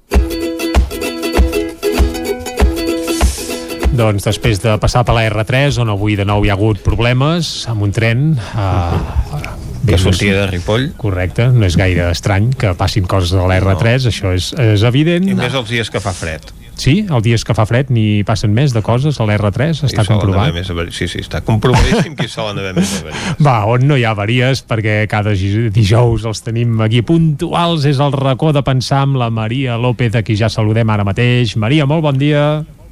Molt bon dia. Aquí Hola. estem sense retards. Val, sense retards com a l'R3. Sí, Clar. Sí, Puntuals com, com cada dijous. I encara que faci uh, mal temps, sí senyor.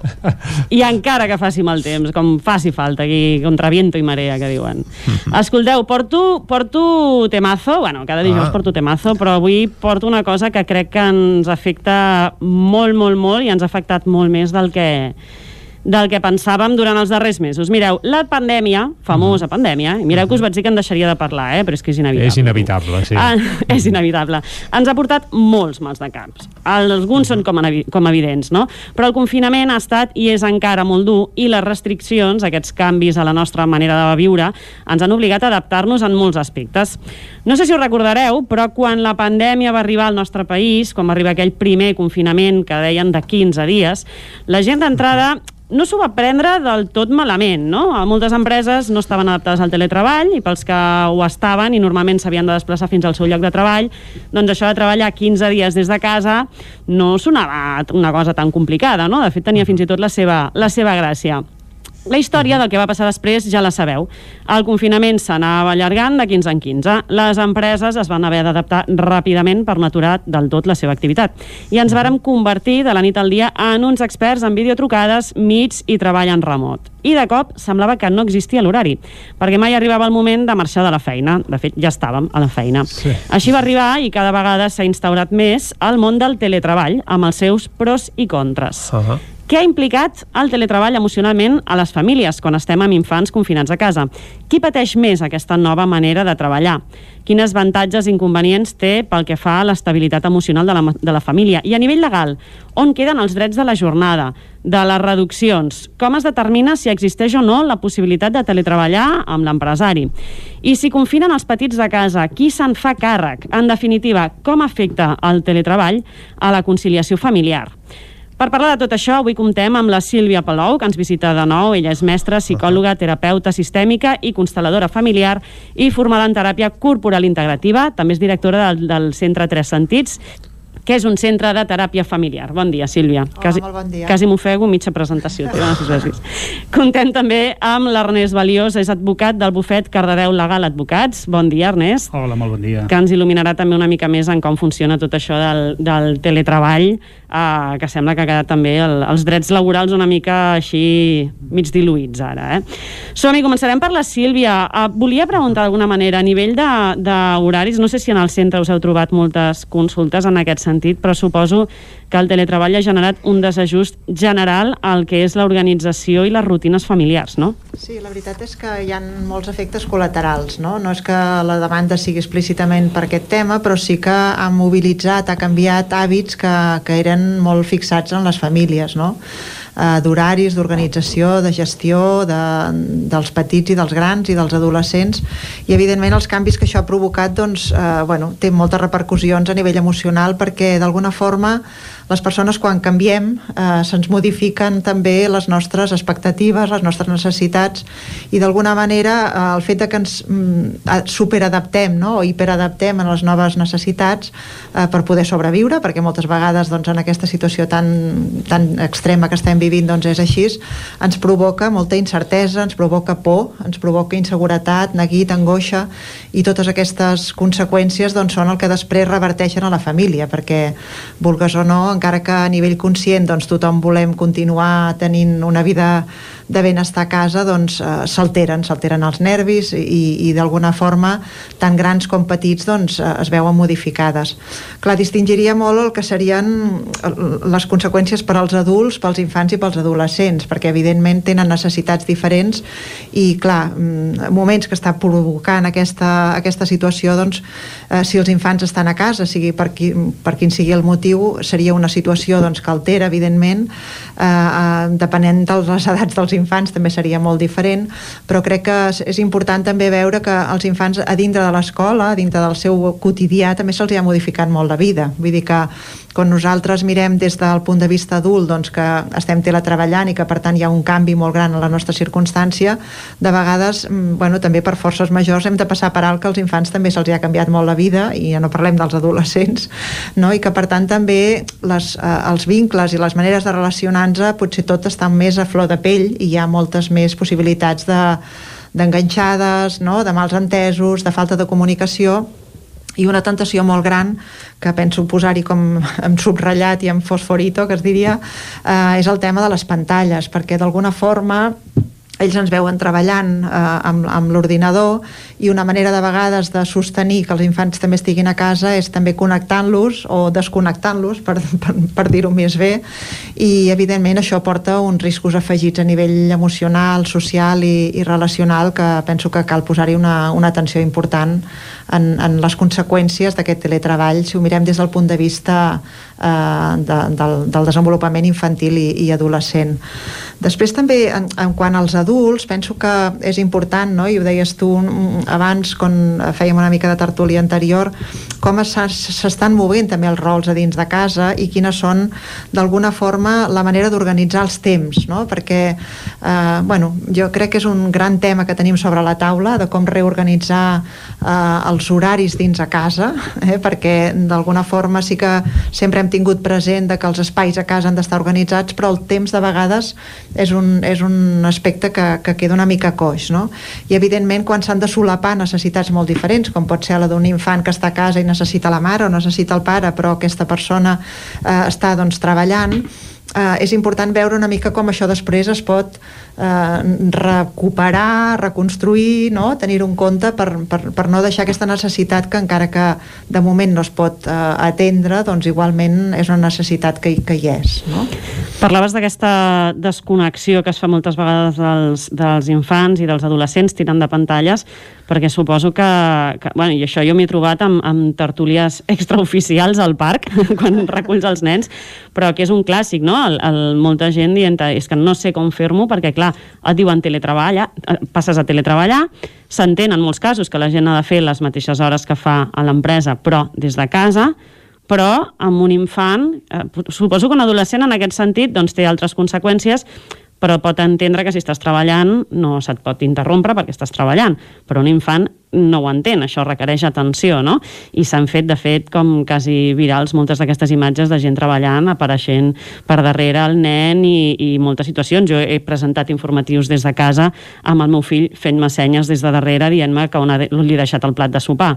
Vull dir que es generen situacions realment complicades i suposo que generen aquestes situacions molt d'estrès i molt de sentit de culpabilitat, sí. entenc també, no? Sí, perquè es fa, o sigui, és demanar una impossible. Eh, depèn de quines edats. O sigui, segurament si ens trobéssim en aquesta situació de que el nen ha d'anar a casa perquè no es troba bé, doncs eh, buscaríem una alternativa que no seria que jo igualment estic treballant. Però si això passa d'una manera eh, habitual, al final s'han de buscar altres solucions que, que no siguin eh, no poder atendre el que un infant en aquestes edats eh, necessita, perquè també, bueno, i això ho sabem de sobres mm, de sempre, que les cases cases sol ser els llocs de més riscos, vull dir que deixar els infants desatesos porta riscos a nivell emocional, evidentment, eh, però també a, a nivell físic, no? I, evidentment, per la salut mental dels adults, o sigui, realment els nivells d'estrès que s'arriben a, a, a, a tenir doncs fan que després la forma d'estar en la família i la forma de poder rendir també la feina doncs no és compatible, és a dir, aquest model jo crec que ens hi hem trobat i que estem eh, com improvisant i podent sortir del pas doncs, com veritablement podem, però que caldrà fer un replanteig eh, perquè sigui una cosa viable i saludable, perquè si no les conseqüències eh, jo crec que són importants a tots nivells. Ja et parlava més del que era l'estrès per part dels adults, aquest sentiment de culpa, però no sé si has tingut l'oportunitat de continuar fent eh, seguiment en famílies i si has detectat també eh, més estrès per part dels infants que potser es, es, es senten menys atesos. Sí, eh, hi ha una dificultat gran perdó, en les famílies i també perquè els infants en el, a, a casa, si, si, si tenen l'espai i tenen eh, doncs les condicions per poder-ho fer, sol ser en els llocs on es deixen anar, on te deixen eh, no, tot el neguit que han passat durant el dia, on te, eh, doncs, l'estrès que hagin pogut passar també a l'escola, això que dèiem, per ells ha estat, també està sent un canvi molt important eh, d'amics, d'activitats extraescolars, de, de possibilitat de poder eh, continuar amb les seves rutines doncs, que, que havien portat fins ara. Hi ha moltes, moltes dificultats també de relació, moltes vegades, perquè s'han canviat grups i, i això, doncs, en segons quines edats és una dificultat afegida que, que porta unes conseqüències que després es porten a casa. I si a casa tampoc es poden atendre, doncs realment el que passa és que els infants ho van acumulant i llavors explosionen, no? És com si jo dic que sempre poso aquesta imatge de la olla a pressió perquè és així, no? Vull dir, si tu no hi poses el pitorro, doncs al final allò explota i les explosions doncs de vegades a casa veiem que són per motius que no entenem, que són irrisoris però que és com la conseqüència una mica del cúmul de tot el dia i clar, si els pares també venen amb la seva pròpia olla a pressió, doncs realment a les famílies de vegades les situacions són bastant insostenibles i això clar passa desapercebut, allò qui dia passa any empeny però es va fent un, jo crec que no per dramatitzar, però crec que sí que és important veure també doncs, les conseqüències que això eh, pot anar tenint per aquesta generació, eh, tant d'adults com d'infants, i com adolescents moltíssim. O sigui, els adolescents jo crec que estan patint una, una situació veritablement difícil perquè, bueno, per definició d'etapa, doncs el que necessiten és poder estar socialment al món, eh, poder fer les seves conquestes, els seus reptes, i estan batats, o sigui, hi ha com una dificultat molt gran de poder-se trobar, de poder tenir els seus espais, han d'estar al carrer eh, gairebé amagats i, i això doncs, comporta que moltes hores a casa i que la, la relació passa a ser una relació que, que tota és a, a nivell virtual, amb la qual eh, hi ha molts embolics, mm, dic embolics per dir una paraula suau perquè realment hi ha molt dolor moltes vegades de situacions de, de fer-se mal, no? D'exclusions, de, de dir-se coses que no, que no s'han de dir, bueno, dificultats grans que per la vivència d'un adolescent doncs, pot ser una situació realment molt traumàtica. Sí, ja a vegades, molt, bueno, moltes vegades es diu no, que les xarxes socials, o, típic d'això dit per WhatsApp, ho entens d'una manera i explicat sona molt diferent. Suposo que això, si ja ens passa als adults, imagina't, doncs, manera, en, en converses amb el sector més adolescent que està, que està visquent totes aquestes emocions eh, que porten implícites l'edat, d'alguna manera. I és com una, una olla a pressió, quasi, no? de, de vivències eh, Fortes, capades. Sí, i això requereix després dels pares, no? que sempre diguem aquesta dificultat de, bueno, de poder escoltar, de poder posar entre parèntesis de vegades aquestes reaccions perquè bueno, tenen molt de pes també hormonal no? I, i cal també una paciència i un saber estar dels adults que amb aquesta aquesta eh, també estrès eh, que, que provoca doncs, aquesta situació que estem vivint de vegades doncs, no la tenim. Vull dir, som humans i, i també doncs, no, no tenim la mateixa capacitat de poder aguantar o de poder sostenir segons quines situacions. I per tant sí que jo diria que ha pujat en general no, com la, la fragilitat podríem dir no, a nivell emocional. Requereix una altra vegada doncs, poder tenir com capacitat de poder gestionar, de poder autorregular una miqueta doncs, eh, tot aquest batibull que tenim a dintre i això requereix espais, encara que siguin petits. Jo dic de vegades perquè sempre diguem no tenim temps, no? És, aquesta és la nostra... Um, però sí que és veritat que amb això del teletreball de vegades poder organitzar l'horari torna a ser una necessitat imperiosa també per, per, per poder reservar o preservar gairebé no? aquests petits espais en els que nosaltres puguem tornar a connectar una mica amb, la, amb el sentit comú, amb la nostra capacitat de tocar de peus a terra i de no respondre d'una manera instintiva gairebé o, o automàtica en aquesta situació que és el, és el que sol portar l'angoixa o l'estrès no? respondre automàticament per si era poc d'alguna manera aquestes dificultats pel que fa a la, a la conciliació familiar i a l'estrès que genera d'alguna manera aquest teletreball que a l'inici ens sonava tan maco i després s'ha vist que potser no, era, no és oro tot lo que reluce que diuen uh, s'afegeix un tema legal que és que, i per això d'alguna manera ara Ernest, vaig a per tu sí. que ens vens a resoldre molts dubtes perquè els horaris, d'alguna manera, no? Potser seria la primera de les coses que ha quedat més diluïda. Una de les altres coses que s'ha parlat molt és d'aquesta eh, falta de determinació horària. Un va a l'oficina, entra, encén l'ordinador, allà comença la teva jornada i quan marxes acaba. I si hi ha alguna cosa urgent, és possible que contestis algun correu, el que sigui des de casa. Uh mhm. -huh. Però amb el teletreball no hi ha hora de marxar a casa. Per tant, sembla que els horaris han quedat, en general, molt més diluïts. No sé si t'han arribat moltes consultes en aquest sentit. Si a nivell legal això es determina d'alguna manera? Sí, hi ha, hi ha una llei aprovada fa ben poc, al setembre, que, que, que té tot un tràmit anterior a la pandèmia i té voluntat de ser una llei per, per funcionar passada la pandèmia, on tot això se'n parla i es fa una reflexió, però és que se't generen molts més dubtes, òbviament, perquè això s'ha d'aplicar i els tribunals encara no han parlat, no, no han fet l'última interpretació i anem interpretant els juristes conforme entenem. Eh, hi ha una permeabilitat entre l'horari domèstic i l'horari i l'horari laboral. Aquest és el gran perill del treball a distància, on es confonin tots dos, perquè hi ha unes obligacions que, que per exemple, la de fitxar, el fitxatge és obligatori des de fa uns, uns pocs anys, continua sent obligatori. Per tant, l'empresa ha de posar un sistema de fitxatge que sigui possible fer des de casa. Eh, hi ha la recomanació, però no l'obligació, de fer jornades flexibles però no és una obligació. L'empresari podria exigir que es fes a l'horari tan tancat com, com el té dins d'una oficina o dins d'un taller. Pensem que no només estem parlant de teletreball, estem parlant de treball a distància. La llei fa una diferència. Treball a distància és tot el que no es fa en un centre de treball, teletreball és el que es fa per mitjans telemàtics. Vale. Un, per exemple, un muntador, una persona que estigui muntant bolígrafs, per posar un exemple, ho podria fer des de casa, no seria teletreball, seria treball a distància. Clar, el, el teletreball comporta unes capacitats de seguiment per part de l'empresari. I aquí hi ha els seus límits. Quins és els límits? Bàsicament el de la dignitat és a dir, el de la dignitat, el, el, el de la intimitat. Evidentment, un treballador ha de saber que l'empresari pot veure què és el que està fent amb les eines de l'empresa i pot veure des de la velocitat del tecleig dels seus dits fins a, al contingut de les comunicacions. Sempre que el treballador ho sàpiga i això no vagi en contra de la dignitat. No pot envair eh, aspectes de la seva intimitat però clar, això li afegeixes a on normalment el propi treballador acumula un sentiment de culpa, com dèieu vosaltres, perquè s'ha d'aixecar a posar la rentadora en un moment donat o atendre amb aquesta criatura que, que, que vol la seva atenció i què fa? Allarga la jornada laboral. Allargar la jornada, la jornada laboral té un altre perill, que és que no es respecti el dret a la desconnexió. Això no pot repercutir en el fet de que tinguem un treballador a la nostra disposició 24 hores al dia, 7 dies a la setmana.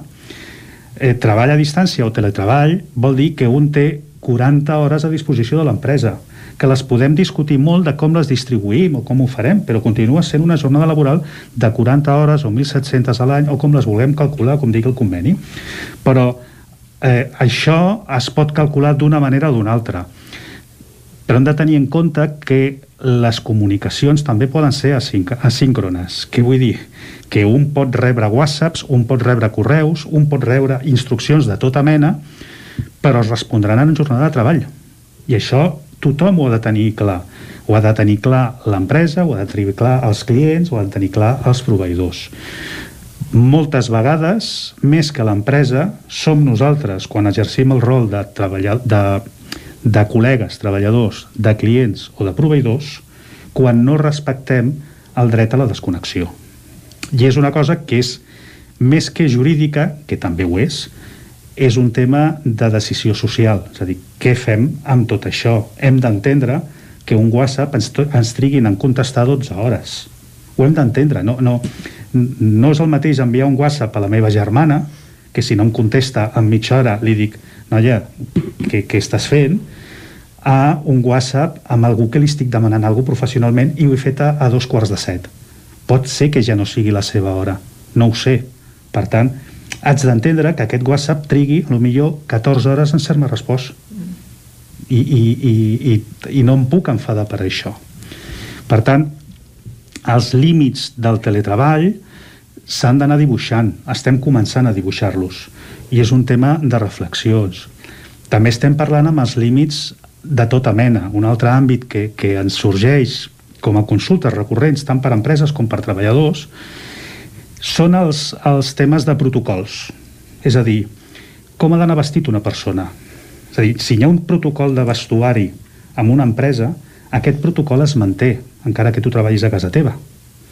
Però inclús preguntes tan absurdes com puc menjar mentre faig una reunió amb el meu cap? Puc beure? És el mateix beure un cafè que beure una cervesa? Puc estar en una reunió amb companys de feina bevent una cervesa i fumant? Perquè no es pot treballar fumar en l'entorn laboral. Però a casa meva sí que puc fumar.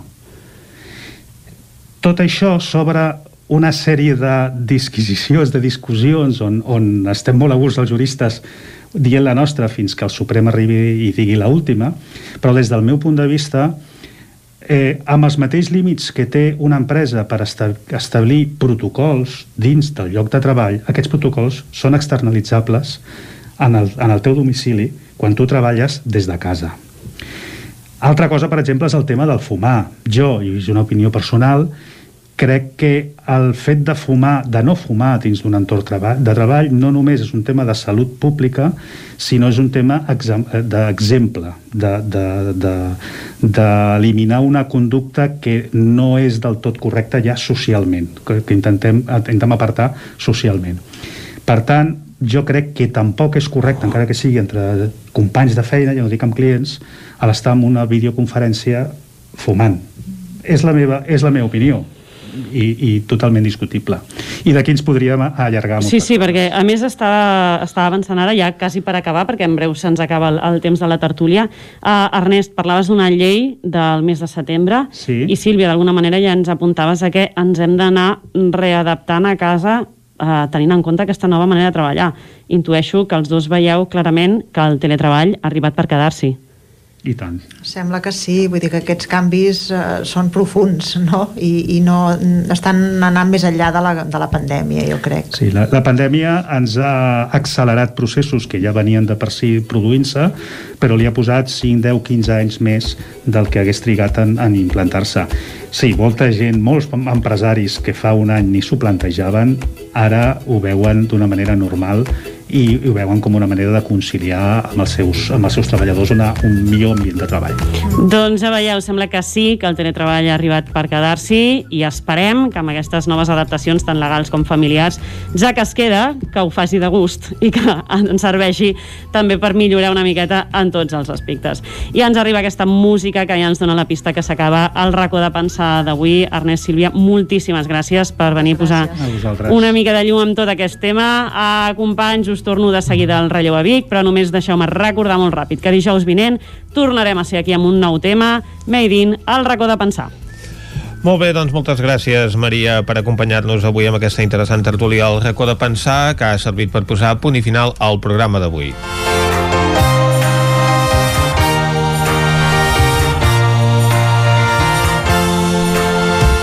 Programa que no hem fet tots des de casa, però algú sí, eh? Per tant, això del teletreball aquí a Territori 17 ja sabem prou com funciona. Sí, senyor, també l'estem aplicant. Avui hem fet el programa Clàudia Dinarès, Caral Campàs, Isaac Muntades, David Auladell, Isaac Moreno, Pepa Costa, Dolors Altarriba, Guillem Freixa, Núria Lázaro, Cristina Enfruns, Maria López, Jordi Sunyer i Vicenç Vigues. Nosaltres tornarem demà, com sempre, des de les 9 del matí i fins a les 12 del migdia. Adeu. Vagi bé, siau.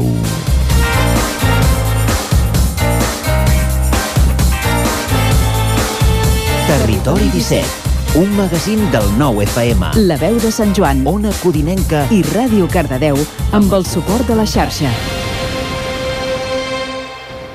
El nou FM.